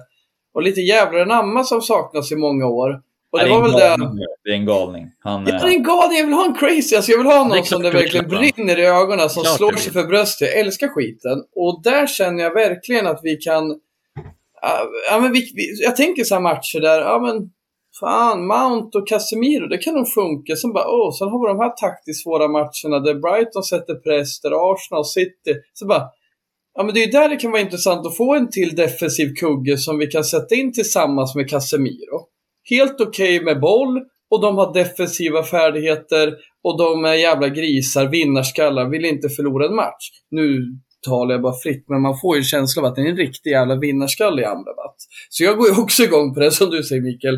Det, det är jävligt kul att höra med dig David också som ser dem eh, närmare i italiensk fotboll, men att eh, jag, jag följde ju inte VM som var, men jag har ju hört jävligt mycket bra om honom då.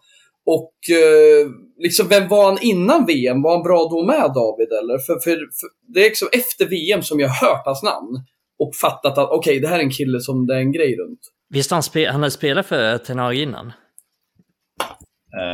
Jag tror att han har gjort det i, i något um, holländskt lag. Ja, i Utrecht va? Utrecht. Mm. Sjukt dåligt uttal. Ja, det var, det var mer än vad jag visste. Men, men han har alltså han har varit i Serie A ganska länge. Han var ju i Verona förut eh, och, så, och så Fiorentina några år. Så att det, det har varit en bra Serie A-spelare, absolut. Det, han har väl haft någon säsong när han kanske inte startade alla matcher i Fiorentina heller för något år sedan. Så att han, han har varit, eh, det var, jag vet att det var snack att han skulle gå för något år sedan, säg ett, ett, ett år tillbaka kanske. Att han skulle gå någon annanstans och det var lite problem typ med, skulle Fiorentina sälja honom och sånt där. Jag har för mig att det var så i alla fall och, och Mm. då spelar han inte lika mycket. Men, men det var inte, en, tror jag, en kvalitetsgrej. så att han, han var bra under hösten innan VM tyckte jag. Han, han var bra i VM, han var bra efter VM. Så att, så att det, det, är en, det är en galning som kan spela. Det, så ska jag beskriva honom. Jag, jag, jag, jag tycker han är, det är en skön spelare, men, men, eh, men han, han kommer ju inte på egen hand vinna en liga åt dig. Men, men det är en, en bra truppspelare. Liksom. Vet ni vad jag Ja. gillar med det här med transfer som du säger Mikael? Jag måste bara säga det innan jag glömmer det. Du nämnde förut att det känns som United agerar sunt. De har en plan, Mm. menar du? Jag tänker så här, typ som Amrabat. Ytterst aktuell. Alltså vi är inte på han och bara uh, står och torrjuckar på han. Men vi har han i, i planen. Han kanske landar i slutet på augusti, kanske inte beroende på vad vi får sälja. Alltså det finns en, en tankestrategi. Det tänker samma med Pavard. Att man kanske pratar om honom med Bayern redan i juni. Att vet ni vad, får vi de här sålda? Vi vet inte, men blir det så? Då kommer vi höra av oss och vi är intresserade av spelaren. Ja, men vi skulle kunna tänka för rätt summa. För han är inte med i våra planer. Vi tänker köra upp Mekano som tredje val. Okej. Mm. Men jag gillar det. Och det är ingen slump att de här tre mittbacksvalen kommer fram nu och snackas. För nu vet man att Maguire är på väg bort. Nu kan vi snacka. Alltså det är också strategiskt kan jag tänka mig på marknaden. Att man inte bara börjar liksom rycka i alla. För det hörs ju och folk... De här jävla journalisterna har ju fan koll på vad som händer och sprider rykten. Det Nej, känns det- det proffsigt. den Jag här- håller helt med dig Mikael. Och Ja. inte minst hur vi förhandlar. Vi kanske kan ta det senare om vi får utrymme. Men jag vill Ja. fan hylla hur vi förhandlar. Och jag vill ta ner på alla dem som tycker att vi ska fan dra ner brallorna så fort någon hör av sig. För fan, det är ju precis det vi gjort i alla år. Vi ska ju för fan hylla det vi gör nu. Vi, vi agerar ju proffsigt. Ja, det var ju exakt det vi gjorde med Maguire. För att första budet på Maguire var ju 20 miljoner pund och det tackade United nej till ganska snabbt. Eh, så att det visade sig vara lyckat eftersom United fick 10 miljoner pund mer. Liksom det är, vad är det, 100 miljoner kronor ish mer också. Så att det är ju eh, jättebra förhandlat i, i det sättet. Jag har svårt att se att United skulle ha fått mer för Maguire och då är ändå United en ganska svår, svår situation med de här spelarna som har höga löner som man vill bli av med. Eh, så att United sitter inte i något bra förhandlingsläge och det är det jag pratade om så mycket innan också. att när vi väl får ordning på truppen och när vi väl har fått in alla de här liksom, bra spelarna, sen när vi säljer dem, då kommer vi vara ett ganska bra förhandlingsläge, för då kommer inte vi vara desperata över att behöva sälja någon. Alltså, typ som City är nu. City får ju jättemycket pengar för alla sina spelare. Det är för att de vill inte bli av med dem riktigt. Alltså de har inget behov av att bli av med dem. De har råd att tacka nej till det för att de fyller en funktion i deras trupp. Men de är okej att bli av med dem till rätt pris, för då har de redan, oftast redan tagit in en spelare eh, tidigare. Till exempel, eh, ja men, nu har jag inget så konkret exempel, ja, Alvarez kanske, som forward. Liksom. Så ifall de blir av med typ så här Gundogan så har de spelat Alvarez väldigt mycket och då tar de in Kovacic eh, som ersättare ganska snabbt för att de förmodligen har redan en plan eh, Eh, för hur de ska ersätta dem och det är väl det man hoppas på att United ska börja gå mot och det är väl det som United börjar gå mot hoppas jag. Eh, men det tar ju tid att bli av med alla de här som vi har i truppen. Alltså vi, vi ser nu typ som som Donny van de Beek, vi har jättesvårt att bli av med honom. Och Erik Bajy, liksom, det verkar nästan som att United i princip ger bort honom. Eh, bara för att liksom, bli av med hans lön, för att det är ingen som vill betala för dem. Och nu hade vi tur att eh, Saudi-klubben kom in för Alex Telles, annars hade det blivit likadant där. Det fanns ingen europeisk klubb som ville betala för honom. Så att eh, United är ett ganska dåligt förhandlingsläge just med dem. Så att jag är ändå lite imponerad av att det har gått så bra i sommar, att vi har fått så mycket pengar som vi har fått eh, hittills av spelarförsäljningar. Och sen tror jag bara att det kommer bli bättre, men ja, som sagt, United har varit i en dålig situation och det är på grund av eh, tidigare ledning. Eh, liksom. det, det är jättemånga som klagar på att United är fortsatt dåliga på, på transfermarknaden, precis som du säger, men jag är ganska imponerad av United den här säsongen. Och och tar vi bara, förra säsongen var inte superbra, alltså det blev en okej okay sommar, liksom. United fick in ändå bra spelare, liksom. eh, bra nyförvärv eh, på så sätt. Jag tycker alla nyförvärv som kom in har, har gjort nytta. Så, så inte så, men United, det var ju ganska rörigt där ett tag när vi gick efter de anfallarna och, vi började förhandla med Anatovic och, och skit. Det känns ju väldigt mycket mer planerat i år. Nej, det känns ju väldigt mycket mer planerat den här sommaren. Och, alltså, sånt märks ju. Det är precis som du säger att eh, United nu, nu när de säljer Maguire så har de tre, fyra liksom targets ganska klara för sig. Okej, okay, vi ska värva de här, eller vi satsar på den. Får vi inte Pavard så satsar vi på Todibo eller vad fan han heter. Eh, och så vidare och så vidare. Så att, ja, exakt, Taivi. Så att United eh, har, har någon slags plan i det och har reservalternativ. Och det, det tycker jag känns liksom tryggt. Det är, det är det vi har behövt framåt för att kunna för att kunna bli ett bättre lag helt enkelt. Jag vill bara få ut två saker i mitt huvud, för du har helt rätt i det här med att eh, City är i bra förhandlingsläge och bara kan bre på smöret på de här jävla spelarna medan vi har det svårt. Vi kan liksom ha Bajy. Ja, men vi vill köpa honom. Ja, vad kul Simon. Ja, men vet du vad? Vi vill inte betala för honom. Fuck you, säger vi. Men sen i slutet på månaden i augusti, då kanske vi lämnar, låter lämna gratis för att bli av med den lönen. För vi, de, de behöver en reservspelare och vi behöver bli av med Bajy. Men får vi till och med pengar nu för att Saudiarabien slänger pengar runt så det är fantastiskt. Så, så där är vi olika vardagar, men jag delar din tanke. Vi kommer, vi kommer, vi kommer framåt och, och jag känner också, att vi kopplar det till att förhandlaren Matt Hargreaves, jag tror inte det är någon slump. Alltså han har kommit in och agerat proffsigt. Det är samma med Alex Telles förut. Och det här är jag trött på klagomålen. Alex Telles klagar man på. Åh, ni höll på att sumpa det. Och vi bjuder bort han. För, för det blev ju för fan till och med bättre. Det blev till och med bättre när det blev, drog ut lite på den förhandlingen. Jag ska bara dra för kontext för alla känner inte till det. United har tagit in Matt Hargreaves som är en förhandlare från Adidas. Inte United... Owen Hargreaves, alltså Matt Hargreaves. Nej, exakt, som United har tagit in i, i uh, att förhandla kring liksom så här, övergångssummor, antar jag. Mm. att liksom, Och vi hade ju Matt Judge under, eller hur hette han där, under eh, Ed Woodward. Mm. Och Matt Hargreaves gjort ett jättebra jobb och det är samma det här liksom med också vi kopplat till klagomålen förut, för det var ju också lite, kanske behöver sin kontext. Det var ju under början av säsongen, försäsongen, Ethan Laird lämna, Iqbal, jag kan hålla med många. Det kanske var lite billigt, men samtidigt, när vi klagar för att det är för billigt, Ja, då är vi för dyra när vi ska kräva ha vett och betalt för McTominay, för Maguire. Jag tycker vi agerar helt rätt. Sen har vi sumpat McTominay den här säsongen. Jag tycker ändå vi har rätt intention. Men jag kommer aldrig vara nöjd med att vi bjuder bort spelare som kommer från vår akademi och som fan har kvalitet i Premier League. Vi kanske inte ska ha 50 miljoner pund för McTominay, men om West Ham är en jävla kris med David Moyes som fan knappt vad han heter eller bor, vill bjuda mer, eller vill bjuda 30 miljoner pund, nog fan kan de bjuda 35 miljoner pund, kanske 40. Vi ska testa. McTominay är inte någon jävla chipslirare. Han platsar inte i United, nog fan kan vi få ut pengar för honom. Han är absolut en mittenspelare i Premier League. För, för mitten är inte ens bra i Premier League längre, det ska sägas. Fan, halva jävla Premier League är ju Championship nästan. Nej men, skämt åsido. McTominay ska vi ta betalt för och jag är fett jävla trött på alla som säger att vi ska fan acceptera så fort de hör av sig. Vi är sån jävla dubbelmoral alltså. Jag tror fan bara vi vill klaga. Jag är helt jävla säker på det. Så är klimatet just nu.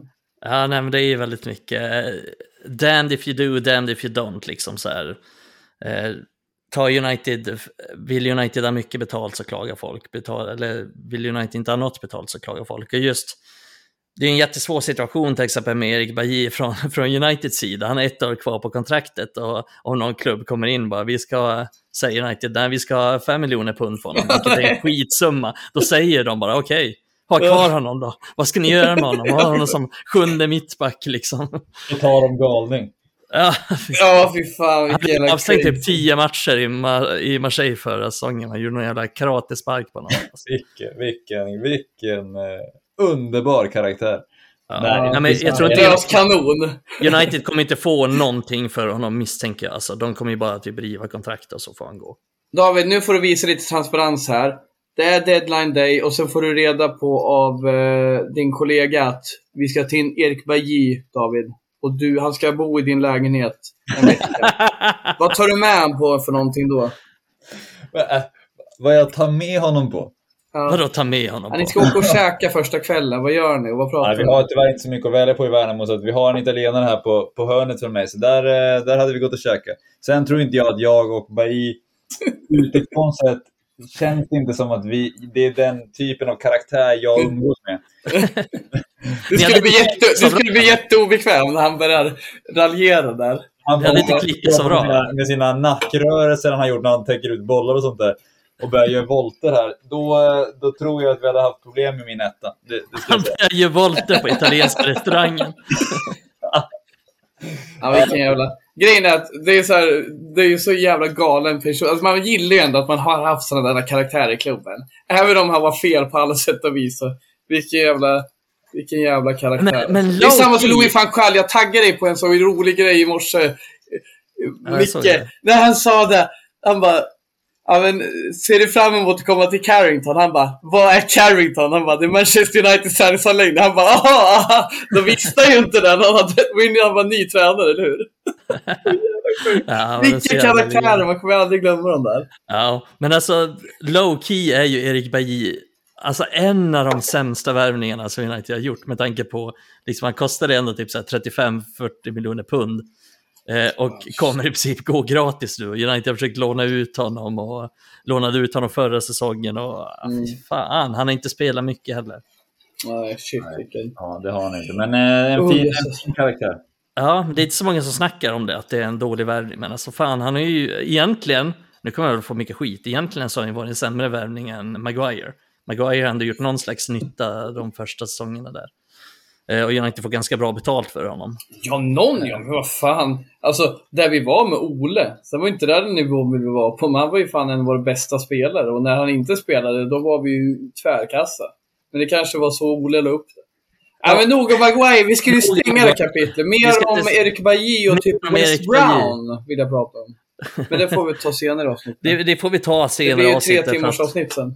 Ja, det blir ju det. För att jag vill prata lite om eh, säsongen som kommer och de spelarna faktiskt som är aktuella och spela i de matcherna. Och det är faktiskt inte Erik Bailly som inte ens tränar med laget. Eh, och det är inte Maguire heller som är på väg till, till West Ham. Så jag tänkte prata lite om säsongen och vad era förväntningar är från United den här säsongen. Och, alltså, vad skulle ni säga är en godkänd säsong enligt er?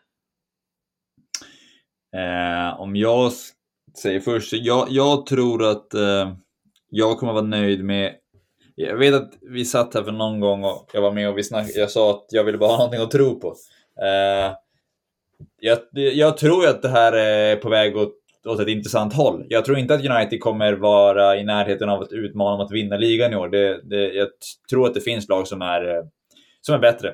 Eh, och då, för mig handlar det om att fortsätta bygga ett spel som, som ser ut att kunna bli, bli ett lag som, som, eller, som kan bli ett spel du vinner en liga med. Och där, där tror jag att, eh, att det finns goda förutsättningar med, med att värva de här spelarna man tagit in. Jag, jag gillar Mason Mount, tycker det är en bra spelare. Jag har som sagt varit positiv till den här värvningen av, av Höjlund över tid. Så att jätteintressant. Jag tycker att det ser spännande ut att se vad, vad Garnacho tar vägen under den här säsongen. Så att målvakten känns, känns rolig också tycker jag med, med hur han kommer påverka Uniteds spel. Så att det finns många sådana delar som jag tycker känns spännande. Och kan de få ihop det på planen så att, så att jag ser ett lag som känns som att ja, men, de går ut och dominerar majoriteten av matcherna de spelar. Sen om de dominerar dem genom att, genom att eh, pressa högt eller genom att bygga spel och, och ha 65% boll, det är inte så viktigt. Men att United går ut till matcher där jag tycker att de är bättre än motståndarna. Och så tyckte inte jag att det var förra säsongen i, i, i alla matcher. Det var en hel del matcher när jag tyckte att United hade en del flyt och, och en hel del individuell kvalitet för att vinna matcher. Medan det fanns andra matcher när jag tyckte de var jättebra. Så att jag skulle vilja fortsätta att de bygger på det. Och om det innebär att de kommer tre eller fyra eller tvåa, men är lite närmare de lagen som vinner, så tycker jag att det är godkänt. Eh, så länge jag tycker att det är väldigt, det är svårt att mäta hur spelet ser ut. Men jag vill att det ska vara kul att kolla matcherna. Jag vill att United ska, ska driva matcherna mot de flesta lagen. Sen att de inte kommer dominera mot, mot kanske Manchester City med sitt eget bollinnehav, det, det är okej. Okay. Men att de kan gå ut och vara bättre än majoriteten av lagen de möter och ta tillräckligt många poäng för att vara närmare laget som vinner ligan, om de nu inte gör det själva. Det, det hade för mig känts absolut godkänt. Ja, alltså det känns ju lite som att har man de här förväntningarna, eller United, alltså rent resultatmässigt, kollar vi bara på resultaten förra säsongen så tycker jag nästan att United gjorde en kanonsäsong. Alltså kommer trea i ligan, vinner ligacupen, kommer liksom tvåa i, i FA-cupen. Alltså det, det är resultat som vi hade inte kunnat, det låter töntigt att säga det som United-supporter, men vi hade in, ingen här hade kunnat drömma om att United skulle nå så bra resultat. De flesta trodde att United skulle missa topp fyra. Det var ingen som trodde att United skulle vinna någon titel eller, eh, eller så. Så att det känns som att eh, om, vi om jag bara tar liksom det här, jag gillar att prata pöbelperspektivet, alltså gemene fan, liksom, gemene person, så känns det som att skulle United till exempel komma fyra, då tänker många, ja men fan United har blivit sämre. Men det är precis som du säger, alltså jag tänker likadant, alltså nödvändigtvis behöver inte United komma liksom tvåa, alltså få en bättre tabellplacering. Bara United är närmare rent poängmässigt eh, vinnarna, för jag antar att United inte kommer vinna ligan. Eh, jag tror att United tog 75 poäng i ligan eh, eh, senaste säsongen.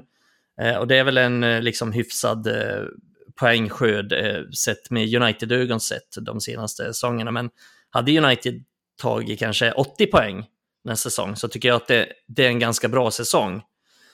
För då kommer United förmodligen ha närmat sig toppen väldigt mycket och, och det är väl det vi vill se. Någon slags, alltså någon slags utveckling i det. Men du kom in på en intressant sak som jag tänker att jag ska fråga dig om. Just Mason Mount nämnde du där, du tycker att det är en, det är en bra värvning. Just Mason Mount känns väldigt mycket som en, som en spelare som, som tränare gillar, men som pöben inte riktigt ser. Alltså jag vet att många United-supportrar, jag vet att många sa det, eh, jag vet att Chelsea-supportrar liksom klagade på att andra Premier League-fans inte kunde se Mounts storhet. Vad skulle du säga, vad bidrar han med till United? Eh, jag tycker han bidrar med, med en, eh, hur vad är rätt uttryck, men han, han, är, jag tycker han är en väldigt smart spelare i att eh, dels hans eh, rörelser för att kunna bli fri själv mellan, säg mellan ett mittfält och, och en backlinje mot lag som, som försvarar som de flesta gör i, i Premier League. När de blir låga så, så ligger de och flyttar i någon form av positionsförsvar. Eh, där det finns alltid linjer att spela mellan och där tycker jag att han är skicklig på att, på att positionera sig så han kan sen ta bollen framåt. Så att när han får en passning, även om ytan är fem meter till nästa motståndare, så lyckas han skapa tid för sig själv att sen kunna sätta nästa passning till en forward som löper bakom. Eller till en ytter som blir en mot en. Eller för att driva fram och avsluta. Eh, den typen av, av grejer är... Det är, inte, det är kanske inte så många som tänker på sånt, men, men där tycker jag att han är bra. Och, och jag tror att han är en spelare som... det kommer att... Många andra offensiva spelare kommer se bra ut för att de spelar med honom. Och därför tror jag att många tränare som han har haft tidigare spelar honom. Att han har spelat för landslaget, han har spelat för Torshäll. när det kanske finns andra spelare som känns bättre om man bara kollar på spelaren. Och, och där, de små grejerna är väldigt svåra att mäta, de är väldigt svåra att, att ibland se också. Det är, oftast missar man sånt tills man sitter och kollar på spelaren, kanske i sitt eget lag. Då ser man, oj jäklar, han är ju grym på de här grejerna. Eh, och där tycker jag att han är, är skicklig på ett sätt där United... Fernandes är också skicklig på sånt, men det är mest att han kanske gör grejer han kan vara i en dålig position och sen skarvar han bollen fram till någon och så ser det genialt ut. Men, men eh, om, sen gör han det två gånger till och då hinner backen fram och tar bollen av honom. Och han är inte riktigt lika bra på det tycker jag. Eh, eh men, men sen kanske han har en ännu högre höjd när han väl gör grejer, vilket gör att han gör mer mål och, och sådär. Eh, så jag tror att de två tillsammans där inne är ganska intressant att, att jobba i de ytorna, för jag tror de kommer vara bra ihop. Och jag tror att Rashford, Garnacho, Anthony också, de här spelarna kommer, kommer gynnas av att ha en så pass smart spelare rent offensivt. Sen är han en grym pressspelare också, Mason Mount. Alltså jättebra. Jag tycker inte han ska spela alltså, långt ner i planen. Jag tycker han är grym som, som tia liksom. Och då är det perfekt att kunna ha att Luke Shaw kanske kan gå in i planen och spela bredvid Casemiro exempelvis i speluppbyggnaden så man får ha Mount lite högre upp där han är som bäst, tycker jag. Han kan också löpa djupled, vilket man inte heller ska ta bort. Det är också en bra egenskap att ha. Så många sådana här tråkiga tränargrejer är han bra på tycker jag.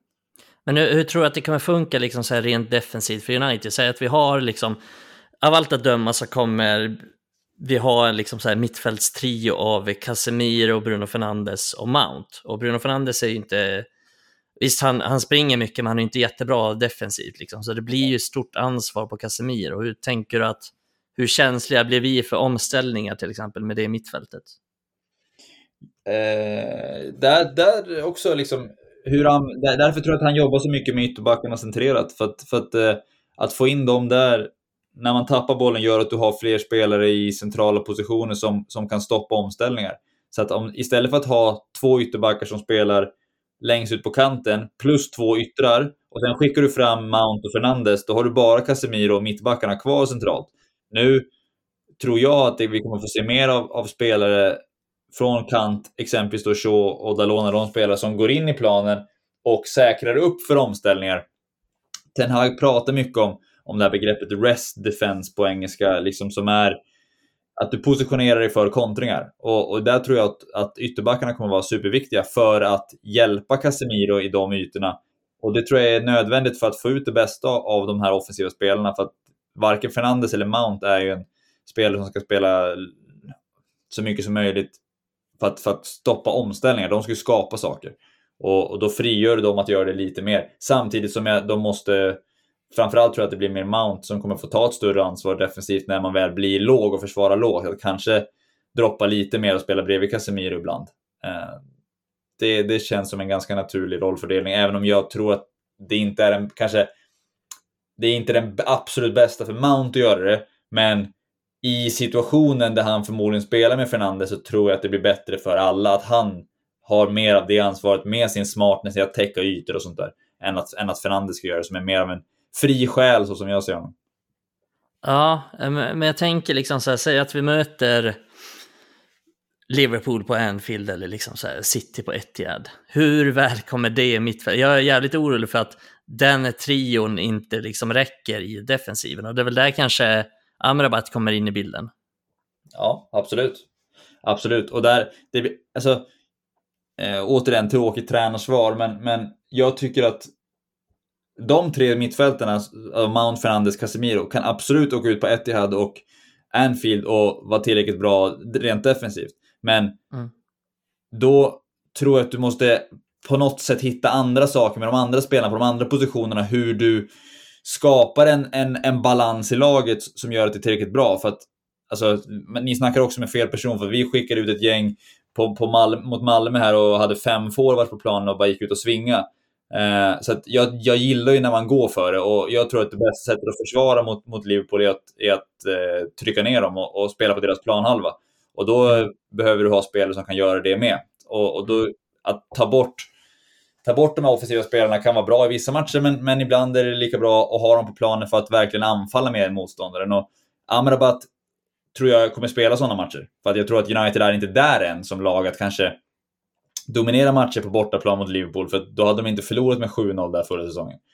Eh, och, och de matcherna måste man ju få bort. Och då kanske det just nu är att spela två defensiva mittfältare och vara lite mer tillbakadragen i vissa delar av spelet. Men att över tid, så min känsla med Sten Hag är att han vill ut och han vill ut och attackera lag, han vill ut och svinga mot dem. Det är därför två så pass offensiva spelare där som många andra tränare skulle bara spela som en ensam tia. För att vi måste stärka upp bakom dem. Han skickar ut dem tillsammans och jag gillar det. Men jag tror att just nu så kan det vara ganska bra om jag har den där extra mittfälten i just de matcherna. Även om jag fortfarande tror att man kan vara tillräckligt bra med dem om, om min poäng går fram. Liksom. Mm. Nej, men eh, det är intressant att säga det, för att jag tänker ändå att Mount är ju någon slags ersättare för Christian Eriksen. Och Eriksen startade ju till exempel på, eller mot City någon match där, då vi förlorade ganska stort. Liksom. Så att Mount är ju, tänker jag så här, eller vad jag har sett, liksom, av väldigt, fan vad ödmjuk jag blir när du är med här. Liksom, annars hade jag sagt det på dem att jag vet att det är så. Eh, nej, men Mount är ju väldigt mycket bättre utan bollen än Christian Eriksen och är ju väldigt mycket bättre i, alltså jag tycker han är bättre defensivt också än Eriksen, även om Eriksen har spelat ja. ganska lågt många gånger så, eh, så tänker jag ju att det är inte ett sämre liksom, defensivt mittfält än det var förra säsongen ändå oavsett. Men jag tycker ju att det var liksom inte många gånger tillräckligt bra. Jag tänker, alltså min dröm hade ju varit att få in typ så här Caicedo på mittfältet för att få in ja. ännu, alltså en riktigt bra bollspelare men som är väldigt mycket bättre defensivt än till exempel Mount. Så jag tycker att Mount är liksom en, det, det blir, det blir någon, en väldigt bra värvning ändå, så han kommer ju mycket ja. nytta, det håller jag med om. Men det ska väl lite för att jag vill liksom ha en äh, ännu, ännu bättre liksom, äh, mittfältare. Men ja, man, man kan väl inte få allting. Men det är kul att du drar upp här Rest Defense och sen äh, nämner Malmö för att jag såg någon intervju med Henke Rydström och så nämnde han Rest Defense i sin ja. intervju. Och det är nog inte många svenska tränare som har gjort det. Nej, vi, vi kallar det kontramarkering. Vi, vi ligger kvar på den. Det, det, det, är våran, det är någonting de höll på med i Norrköping tror jag, så det, vi har tagit det därifrån. Men ja. Men eh, det är, det är någonting som Ten Hag snackar mycket om. Alltså hur, ja. Jag vet att vi snackade om det när jag var med, vi hade, när det var efter någon cupmatch mot typ något lägre divisionslag så snackade vi om det, jag tror det var i januari. Där mm. liksom Martinez och Varann var uppe väldigt högt och markerade motståndare när man anföll. Mm. Uh, och det, det tror jag de kommer fortsätta jobba med. Och där tror jag att ytterbackarna blir de som kommer frigöra de här offensiva spelarna att, att faktiskt trycka på in i box. För de är bra på det båda två, Fernandes och Mount. Har han också kallat det counter defense i vissa avseenden? Ja, det, det, kan vara det också. Det är lite samma sak. Det är olika, mm. olika ord tror jag. Men jag gillar rest defense. Ja, det är fint. Fint namn. Nej, men eh, ja, nu kom vi lite så här off topic, men jag tror att eh, det är ändå relevant i det. Du ska få säga dina tankar om säsongen också Adam. Du har hunnit hämta en öl eller? Ja, det har jag gjort, men jag har inte hunnit pissa än. Det vågar jag inte göra, för då skulle det bli helt tyst här när jag kommer tillbaka. Eh, mina tankar om säsongen? Nej, men jag tycker att eh, tar vi topp fyra så är det en bra säsong. Jag är lite inne som er att det, det, är en, det är en resa vi är på och att det inte är den säsongen vi ska vinna. Eh, jag till exempel snackade nyligen om Kane att Nej men skulle vi värva Harry Kane, då ska vi vinna den här säsongen. Det är en sån värvning. Vi ska vinna då. Men vi gör inte det. Vi är inte där, så det är ingen mening att, att köpa Harry Kane. Vi, vi köpte Höjlund, och det känns bra. Det känns som framtiden. Och, och, precis som att Höjlund ska växa ska vårt lag växa. Men att nästa säsong, då kanske vi är där beroende på vart vi landar nu. Och, och hur det ser ut uh, inför kommande. Men, men, men det jag ser som liksom jävligt intressant är att ja, vi, vi har som ni nämnde mittfältet. Där har vi en brist. Och det är ju att jag, jag är inte säker riktigt på att vi vi, vi kommer behöva till nästa säsong få in någon som verkligen äger mittfältet. Mikael har snackat om det tidigare. Han har snackat om de Jong som exempel. Kobe Maino kan komma dit. Och Eh, högerbacken är sådär, men, men skit i det. Det kan behöva en ny högerback bara så kan vi lösa det. Men vi har löst ett stort problem nu att få in Onana och det ser jag fram emot som fan. Hur vi kan liksom få en högre backlinje liksom anpassa oss. Det har vi inte hunnit gjort under försäsongen. Vi har knappt tagit hand med Onana. Han är ju fortfarande en new guy i det här laget. Men att börja spela ett nytt spel i den första tredjedelen, det ser jag fram emot. Och jag tror det är liksom, det är nyckeln för den här säsongen. Och när vi gjort det, då jävlar är vi redo att chargea till nästa säsong. För sen känner jag så här om man ska se på lång sikt. Vi kan ju inte låta det gå hur långt som helst. Vi spenderar massa pengar. Vi har bra spelare och vi har liksom bra ålder på många. Höjlund är absolut ung. Men, men i övrigt är många i rätt ålder, typ som Mount. Gammal Champions League-vinnare, landslagsmeriterad. Vi har Martinez. Vi har en vinnare varann. Vi har Casemiro som kanske har sin sista säsong nästa år. Den här säsongen, det är den sista förberedelsesäsongen. Sen fan ska vi charcha nästa år. Om Harry Kane då kommer tillbaka med svansen mellan benen från eh, Bayern München och vi värvar för 50 miljoner pund för att komplementera Höjlund. Eh, vi är vana vid att ha många anfallare. Jag ser in i spåkulan här vad som kan hända nästa år. Men den här det säsongen. Gött, det vore gött att Kane på Vi kan vinna några cuper. Absolut, det hade varit helt magiskt. För jag älskar Harry Kane. Men den här säsongen. Jag ser oss kunna vinna en cup igen. Men jag ser liksom inga hets. Lite som du är inne på Mikael, jag tycker det är bra förklarat. Kommer vi fyra, vi kanske till och med får mindre poäng. Men ändå ser att spelet går framåt. För det är ju så. Vi, vi satsar ju nu. Vi tar in en målvakt som vi tror är bättre, många av oss. Men han kanske till och med släpper in fler mål. Vi har färre nollor med honom än med de Gia. Men det säger inte att vi är sämre. För vi gör ju en progress i Ertenads spel. Alltså vi spelar med en högre backlinje och vi offrar mycket då. Vi, vi offrar och, och vi liksom... Vi, vi kanske kommer försöka ha mer boll. Då kommer vi också vara mer... Mer stabi, eller mindre stabila defensivt. Jag vill komma till den här kontexten. Det är att förra säsongen så insåg vi efter två omgångar, shit, fan vi kan inte spela tiki-taka. Vi har de Gea där bak och vi har Eriksen som fan knappt kan springa 10 meter innan han blir trött. Så vi, vi, liksom, vi blev mycket mer, vad ska man säga, kallar man det pragmatiskt, men alltså vi bli väldigt mycket mer defensiva, mycket mer, mycket mer strukturerade, mycket mindre flyt. Och det är där vi vill se den här säsongen, bland annat med Mason Mount kommer in. Vi ska bli mer fluid, offensivt. Mm. Och det ska vara mer, eh, ja men som jag snackar, vi ska bli bra i transition, världens bästa i transition. Det ser jag fram emot. Jag vill offra och jag vill ha kul. Jag vill sitta där vid, vid, vid änden på sätet och bara njuta av att vi spelar en fotboll där vi vågar. Som, som David är inne på med. Jag, jag tror också att Erik Ten vill det. Han vill inte spela den här defensiva fotbollen han gjorde förra året. Och, och som du också var för, inne på förut David, det var många matcher där vi mötte mycket sämre lag. Det kan vara typ Palace borta eller Fulla borta. Där vi fan inte levererar, men vi vinner ändå. För att vi är mycket bättre material. Och det ser jag fram emot att se att vi verkligen kliver på. Att vi har Onana med den här jävla karisman och som bara slår 70 meters bollar på läppen på Rashford och vi fucking anfaller. Jag tror som dig Mikael att vi kan ha svårt att göra mål den här säsongen, men jag tror ändå att vi kommer lyckas. För vi har gjort sådana bra värvningar som kommer göra att Rashford kanske till och med kan bli bättre den här säsongen. Rashford gjorde en fantastisk säsong förra året. Det är mycket att kräva att han ska göra en bättre säsong. Men jag ser att vi har anledning att tro att vi ska bli bättre offensivt. Så jag, Jag tror, att- på en monstersäsong till från Rashford. Jag tror inte att Rashford blir så mycket bättre än förra säsongen. Jag hoppas att jag har fel. Eh, håller han samma nivå, typ, eller gör lika många mål, så är det skitbra. Men jag är lite osäker på om han gör det. Eh, däremot så är jag ganska säker på att till exempel Anthony gör fler mål än förra säsongen. Jag tror att Garnacho kommer göra fler mål. Och jag tror att Höjlund gör fler mål än Martial gjorde. Och kanske att till och med Martial kan bidra lite med. Eh, Bruno Fernandes gjorde inte supermycket poäng förra säsongen. Han har gjort eh, fler poäng tidigare säsongen. Så jag tror att han också har potential att göra lite fler poäng. Jag är inte hundra på att han kommer göra det, men jag, tror att han kommer göra fler assist i alla fall. Och sen, ja, kanske lika många mål eller så. Men jag är ganska säker på att just på, på kantspelarna så kommer vi göra fler mål. Anton och Garnacho, de kommer göra fler poäng. Jag tror att de kommer gynnas ganska mycket av, eh, av Höjlunds närvaro också i boxen. Det kommer ge dem lite mer utrymme än det har gjort innan. För det, är också, det får mig också tänka på att det är ganska svårt som ytter, liksom. de får inte alltid de ytorna om inte vi har en striker som tar de här, ta de här löpningarna liksom utan boll, som Höjlund är så bra på att göra, men som till exempel Martial i princip aldrig tar. Eh, Rashford är också ganska liksom, lat på att ta dem många gånger. Rashford är ju, tar väldigt många löpningar liksom, så i omställningsspel, men mot samlade försvar så kanske han inte alltid tar de här löpningarna som drar isär lagen som behövs.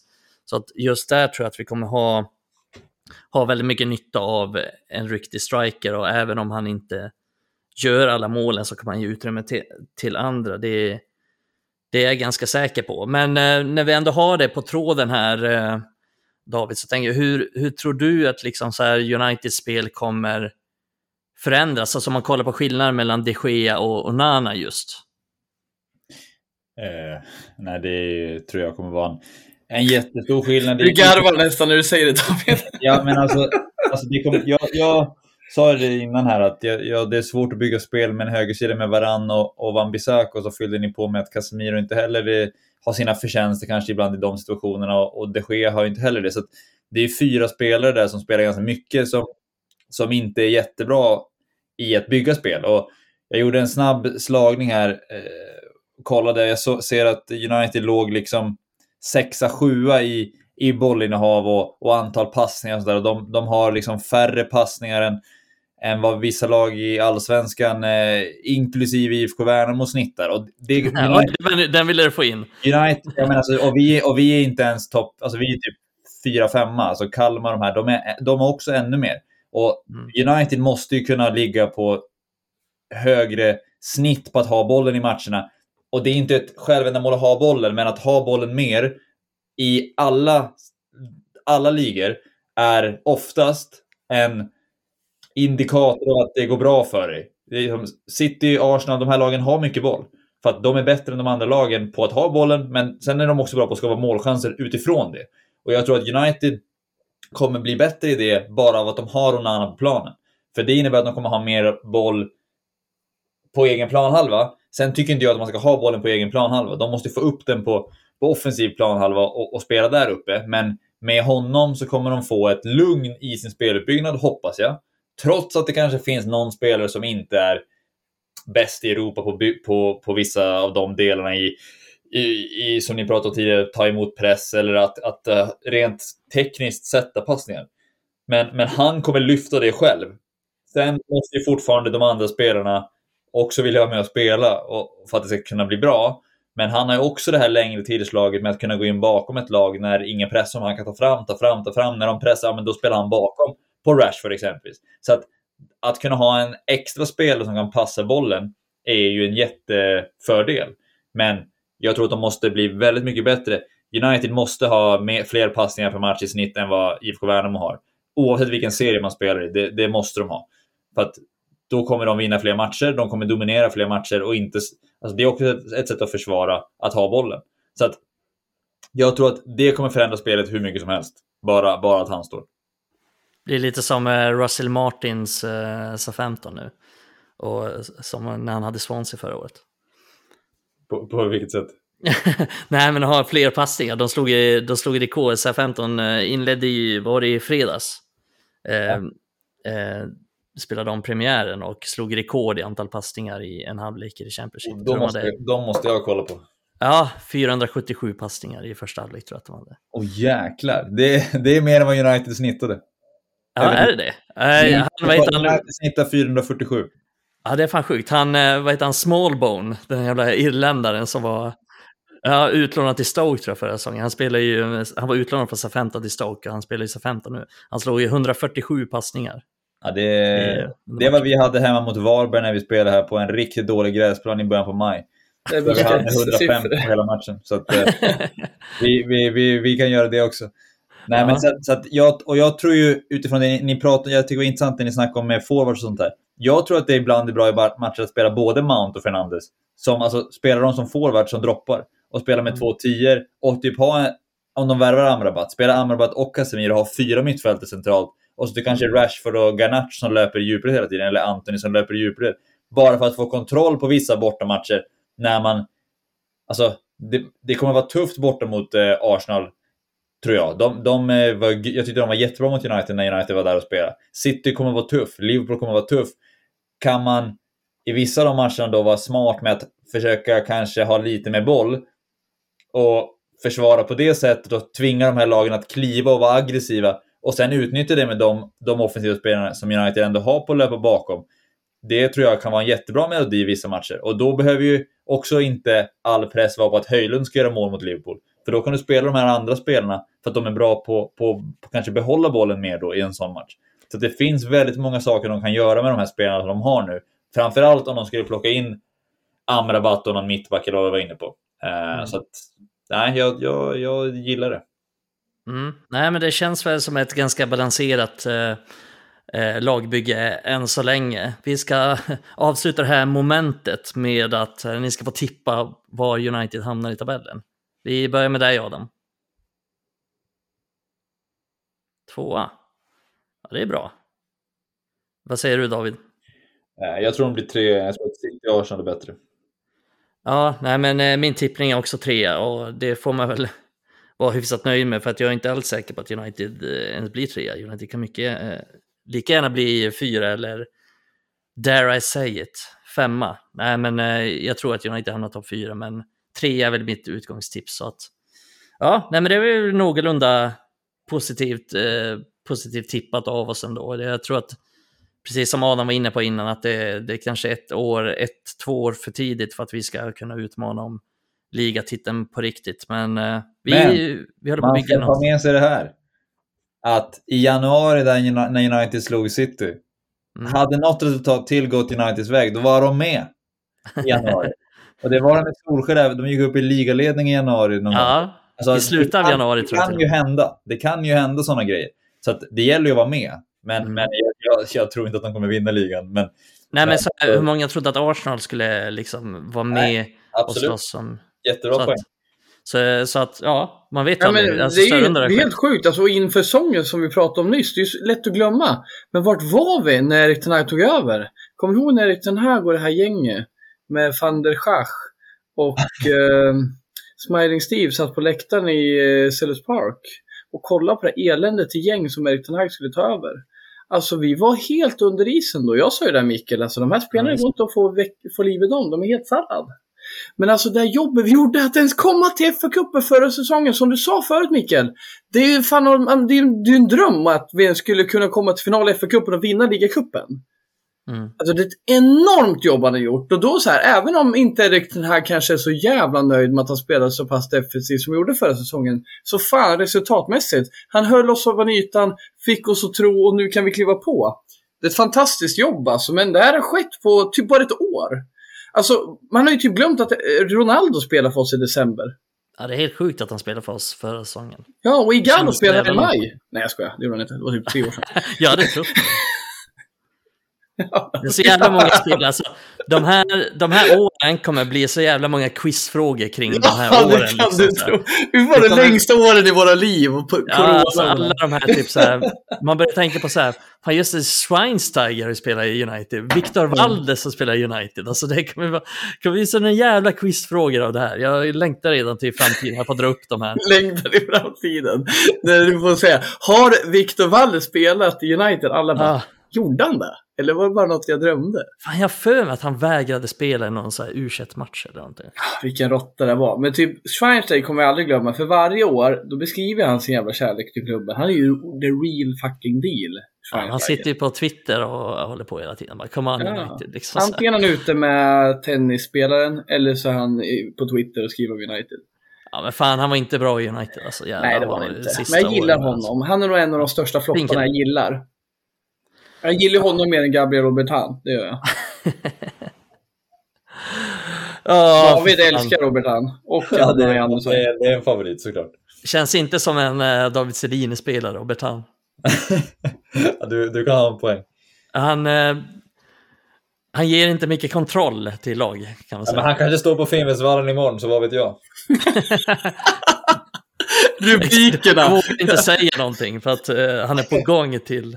Nej, han kan inte spela. Aftonbladets kommentarer. Hörde på en podd att David dissade Robertan. Hur ser du på det Kim? Han är, han är ju för sig 89 Robert Hahn, så han borde ju kunna spela någonstans. Men jag har en känsla av att han har slutat.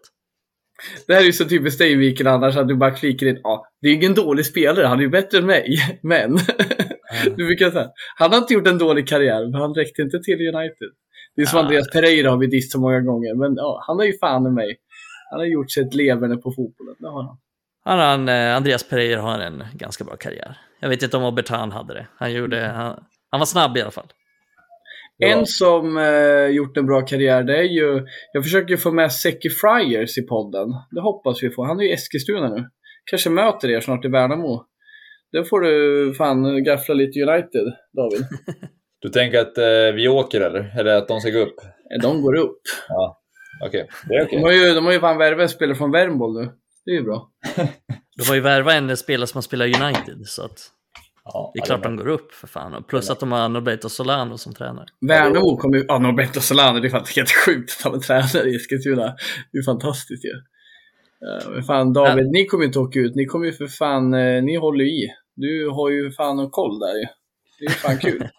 Ja, det är roligt. Det är roligt. Ja, det, är, det är kul att följa Davids karriär. Jag brukar kolla Värnamo, så jag kollar ju extremt sällan allsvenskan om det inte är liksom Malmö FF lag, alternativt typ ett så här Stockholmsderby eller sådär. Men jag brukar försöka flika in på, på Värnamo ändå. Det är, det är kul att se, se Davids och Kims, kanske ska sägas också, Kim Hellbergs eh, framgångar i, i Värnamo. Så det är kul. Men eh, vi ska gå från något lag som inte har lika många passningar som Värnamo. Vi tänkte avsluta den här podden med att prata givetvis lite om om Uniteds seriepremiär mot Wolverhampton på måndagen. Mm. Hur känner ni? Sjukt jävla taggad är jag. Är det taggningskänsla? Ja, så in i helvete. Så här måndag kväll, ja. Ja, så här, jag ska på bröllop på lördag, så det skadar mig inte. Men jag vill såklart ha kanske en lördag eller eh, söndag. Det vill jag. Men jag är astaggad och eh, jag förstår all jinx och grejer. Man är orolig nu när Wolves eh, tränare är sparkad. Eh, det är ju som gjort för att det ska gå åt helvete för oss. Men jag är sjukt taggad för jag tycker det är perfekt, ehm, ett perfekt motstånd med Lopetegui eller vad han heter, eller inte. Jag tycker ett motstånd som passar oss under Erik Hag. Hade inte sagt det under Solskär, för de mötte dem jämt och kryssade varje gång typ. Men, Ja, jag, jag är så här sjukt jävla jättetaggad. Så här orimligt taggad. Jag, jag har alltid tyckt det är kul att kolla United. Men, den här gången så ser jag framförallt återigen, som jag var inne på, se hur vi ska se ut med Onana vid, vid, vid rodret längst bak. Och sen också Garnacho har jag glömt lite under sommaren, det ska jag då säga. Där har vi ett jävla gem och eh, vi behöver inte oroa oss just nu. För Höjlund är skadad. Rashford lär spela centralt som David var inne på tidigare och det lär bli Garnacho till vänster. Så nu om en, i en månad framöver, tills det förmodas att Höjlund är tillbaka i september, så lär vi få se Garnacho tror jag rätt mycket och det känns jävligt bra för helvete vad bra han var senast. Det kan, så här, vi, kan ju inte, vi kan ju inte, vi måste ju starta Garnacho till vänster, tycker du det Mikael?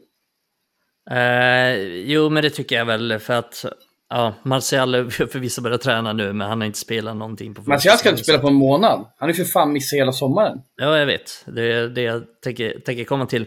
Eh, så att, så att, eh, då blir det ju såklart, jag tror att Martial kanske kan vara med på bänken och sådär för att vi behöver väl liksom gubbar framåt. Men det lär ju bli så att eh, Rashford spelar centralt och sen Garnacho på vänsterkanten och Antoni på högerkanten.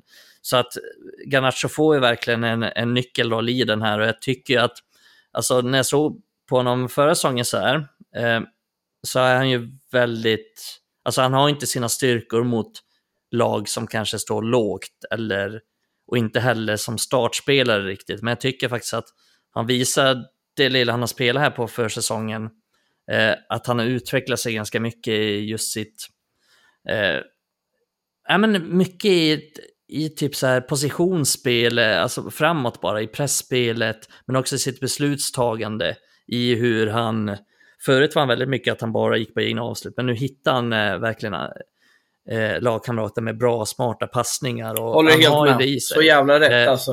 Eh, Fan vad han är bra på att hitta och göra det rätt. Alltså det är inte bara Ja, för att han missar sin dribbling. Han släpper rätt tillfälle. Och där borde vi kunna gjort till och med fler mål den här säsongen. Jag tycker han har varit skitbra där. Jag tänkte ta upp det faktiskt, men bra att du tog det. Kanske Eh, därför ja. jag ser Han känns mogen liksom. Han känns Han, redo känns, på han, känns mycket sätt. mer, han känns mycket mer mogen och, och han kommer ju, som jag sa, han kommer ju få en nyckelroll här för att det krävs liksom att han att han presterar helt enkelt. För att eh, vi vet att Rashford kan bli ganska isolerad kanske mot, mot den här typen av, eh, av motstånd på hemmaplan. Han kommer inte få så mycket ytor att springa bakom. Och Anton är ju fortfarande, även om jag tror, jag tror att Anton kommer göra en bättre säsong, men han är ju fortfarande lite av ett osäkert kort vad gäller poängproduktion. Och, så att eh, det är ju verkligen mycket upp till honom eh, att göra det.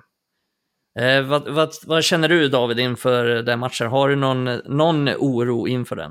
Eh, jag kan säga att för, förra året, jag vet inte om jag sa det i avsnittet vi spelade in då, jag har för mig att vi gjorde någonting innan Brighton-matchen. jag sa det definitivt till eh, mina kollegor att det finns inte en chans att United förlorar hemma mot Brighton en, en premiär. Det, United vinner premiärer hemma. Det har de alltid oavsett hur dåliga de har varit. Var du nykter då? Absolut.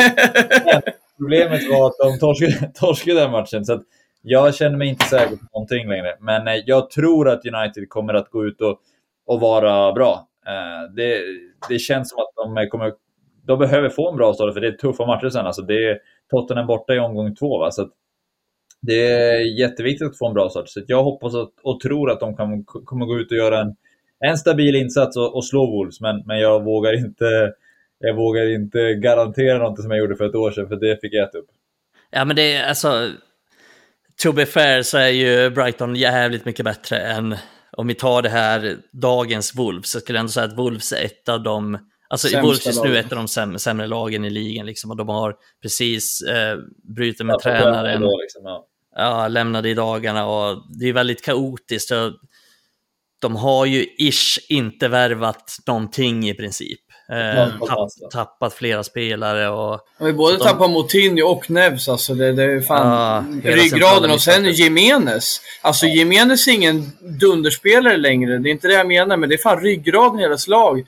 Ledare. Jag, alltså, jag mm. tror de kommer rock fucking bottom i den här ligan alltså. Ja, det är inte omöjligt faktiskt. Och det är kanske är därför han lämnar, för han ser ingen framtid. Och så kommer nu någon, någon interimtränare som... Eh, ja, men Gary O'Neill har skrivit på idag tror jag. Är det så?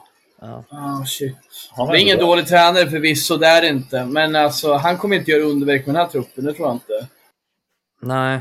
Men Gary O'Neill det... gillar jag som fan. Jag blev förvånad när han fick kicken av Bournemouth. Men de har ambitioner. De... Ja, de har lite högre ambitioner än Gary O'Neill och det visar väl kanske på Wolves ambitioner att de inte har så höga ambitioner längre. Jag vet inte riktigt vad som hände där. De var, de var väldigt på gång där ett tag. Men... Nej, men de där kinesiska ägarna har väl fan fått påtryckningar från staten eller någonting.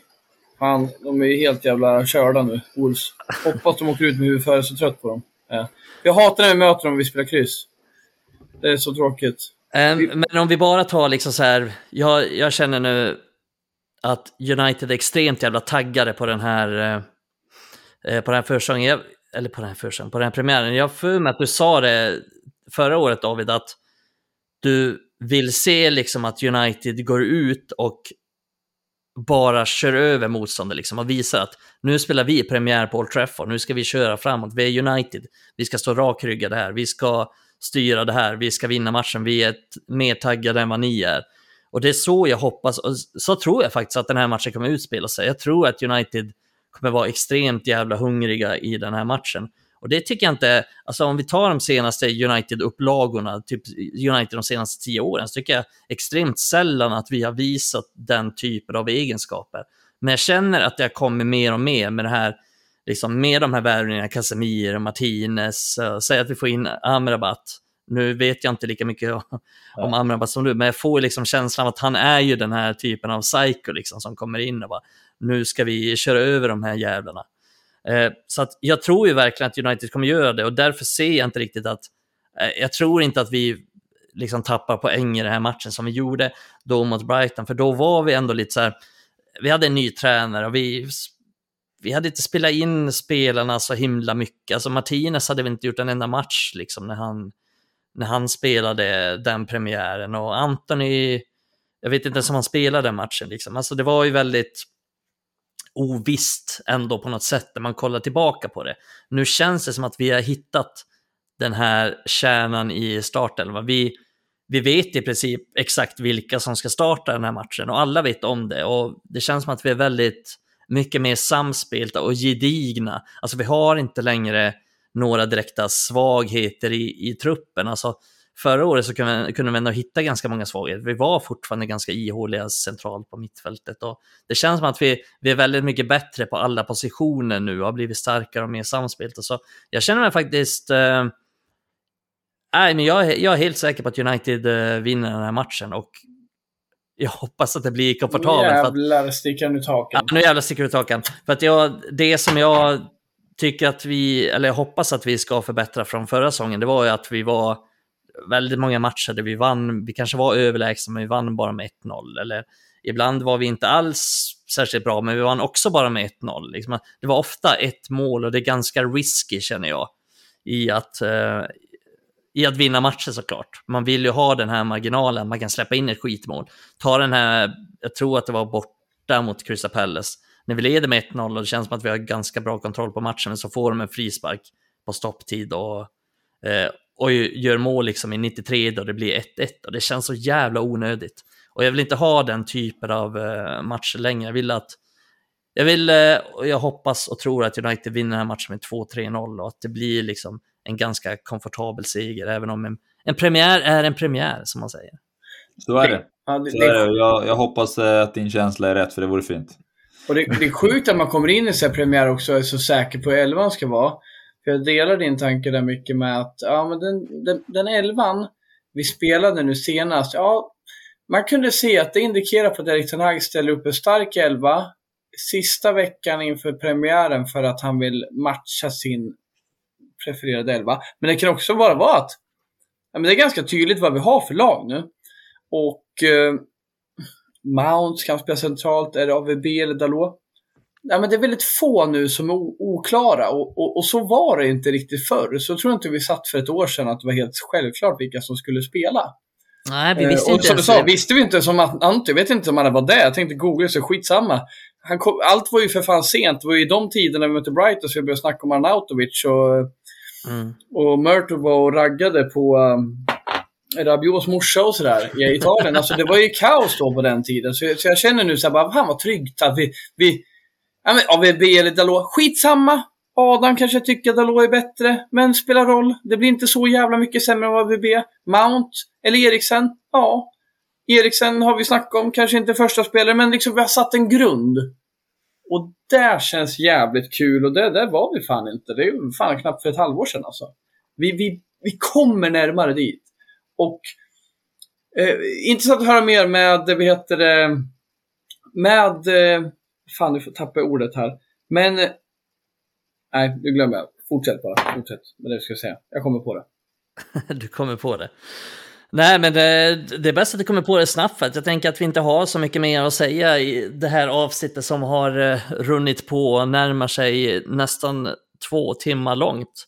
Uh, vi, vi snackade ju där någon gång, eh, David, om att någon gång vi skulle köra ett så här jävla When We Were Kings avsnitt som bara håller på i liksom tre, fyra timmar, men nu närmar vi oss där. Vi brukar ju köra typ en timme, men nu är vi uppe i, i två timmar, så att nästa gång du är med, då kanske det blir tre, fyra timmar. Ja, ja absolut. When We Kings, eh, södra Bredåker, norra Bredåker, derbyt eh, juli 2023 kanske. Och fy fan vad nice. Och då har vi en massa intervjuer från lokalbefolkningen. Går jag runt med en mix här. Adam går runt och super och intervjuar folk. Men vem fan den där blonda idioten där borta? Han svamlar bara. Jag vet inte. Han är, inte, han är inte från södra sidan. Han är inte från södra sidan, han är från norra sidan. Liksom. Jävla fucking eh, norra södra Bredåker. Ja. Det är klart vi ska ära premiären med dunderavsnitt. Alltså två timmar, det är fan bra två jobbat. Två timmar långt. Ja, det är Jag tror, fan. Det har fan regnat hela denna jävla inspelningen. Vad är det? Tokregnet i Sörmland bara öser. Skit på dig den här sommaren alltså. Som några har sagt, det skulle underbart. vara den här 2018-sommaren, men den kan vi ju fan skjuta på ett tag till. Ja, det, det verkar vi kunna skjuta på ett, ett tag till. Eh, nej, mina vänner, nu börjar det bli dags att avrunda det här avsnittet. Mm. Tack för att ni har deltagit. David, alltid lika kul att ha med dig, alltid lika intressant. Tack. Adam, alltid lika givande att ha med dig. Tackar, tackar. Eh, till våra lyssnare, eh, in och följ oss på Twitter, Raspodden heter vi där. In och kommentera vad ni tycker, in och härja och ge förslag på vad vi ska diskutera och så vidare och så vidare. Eh, in och följ oss på alla andra plattformar också, Red i Sverige på Facebook, Instagram, eh, överallt. Och så glöm inte att vara med i vår tävling där ni kan tippa resultat på vår Facebook-sida i premiär mot Wolverhampton och där ni har chansen att vinna en eh, matchtröja. Ett enormt bra pris som jag rekommenderar er att delta i. Eh, och det är helt gratis att delta, så ingenting ni behöver betala eller så. Ni behöver bara följa Red Army Sverige på Facebook. så. Eh, och följa instruktionerna i inlägget så är ni med i tävlingen. Så gör det och så hörs vi nästa vecka, förhoppningsvis efter en vinst mot Wolverhampton som vi får snacka ner. Jag tackar er återigen för att ni har deltagit och på återseende. Hej då!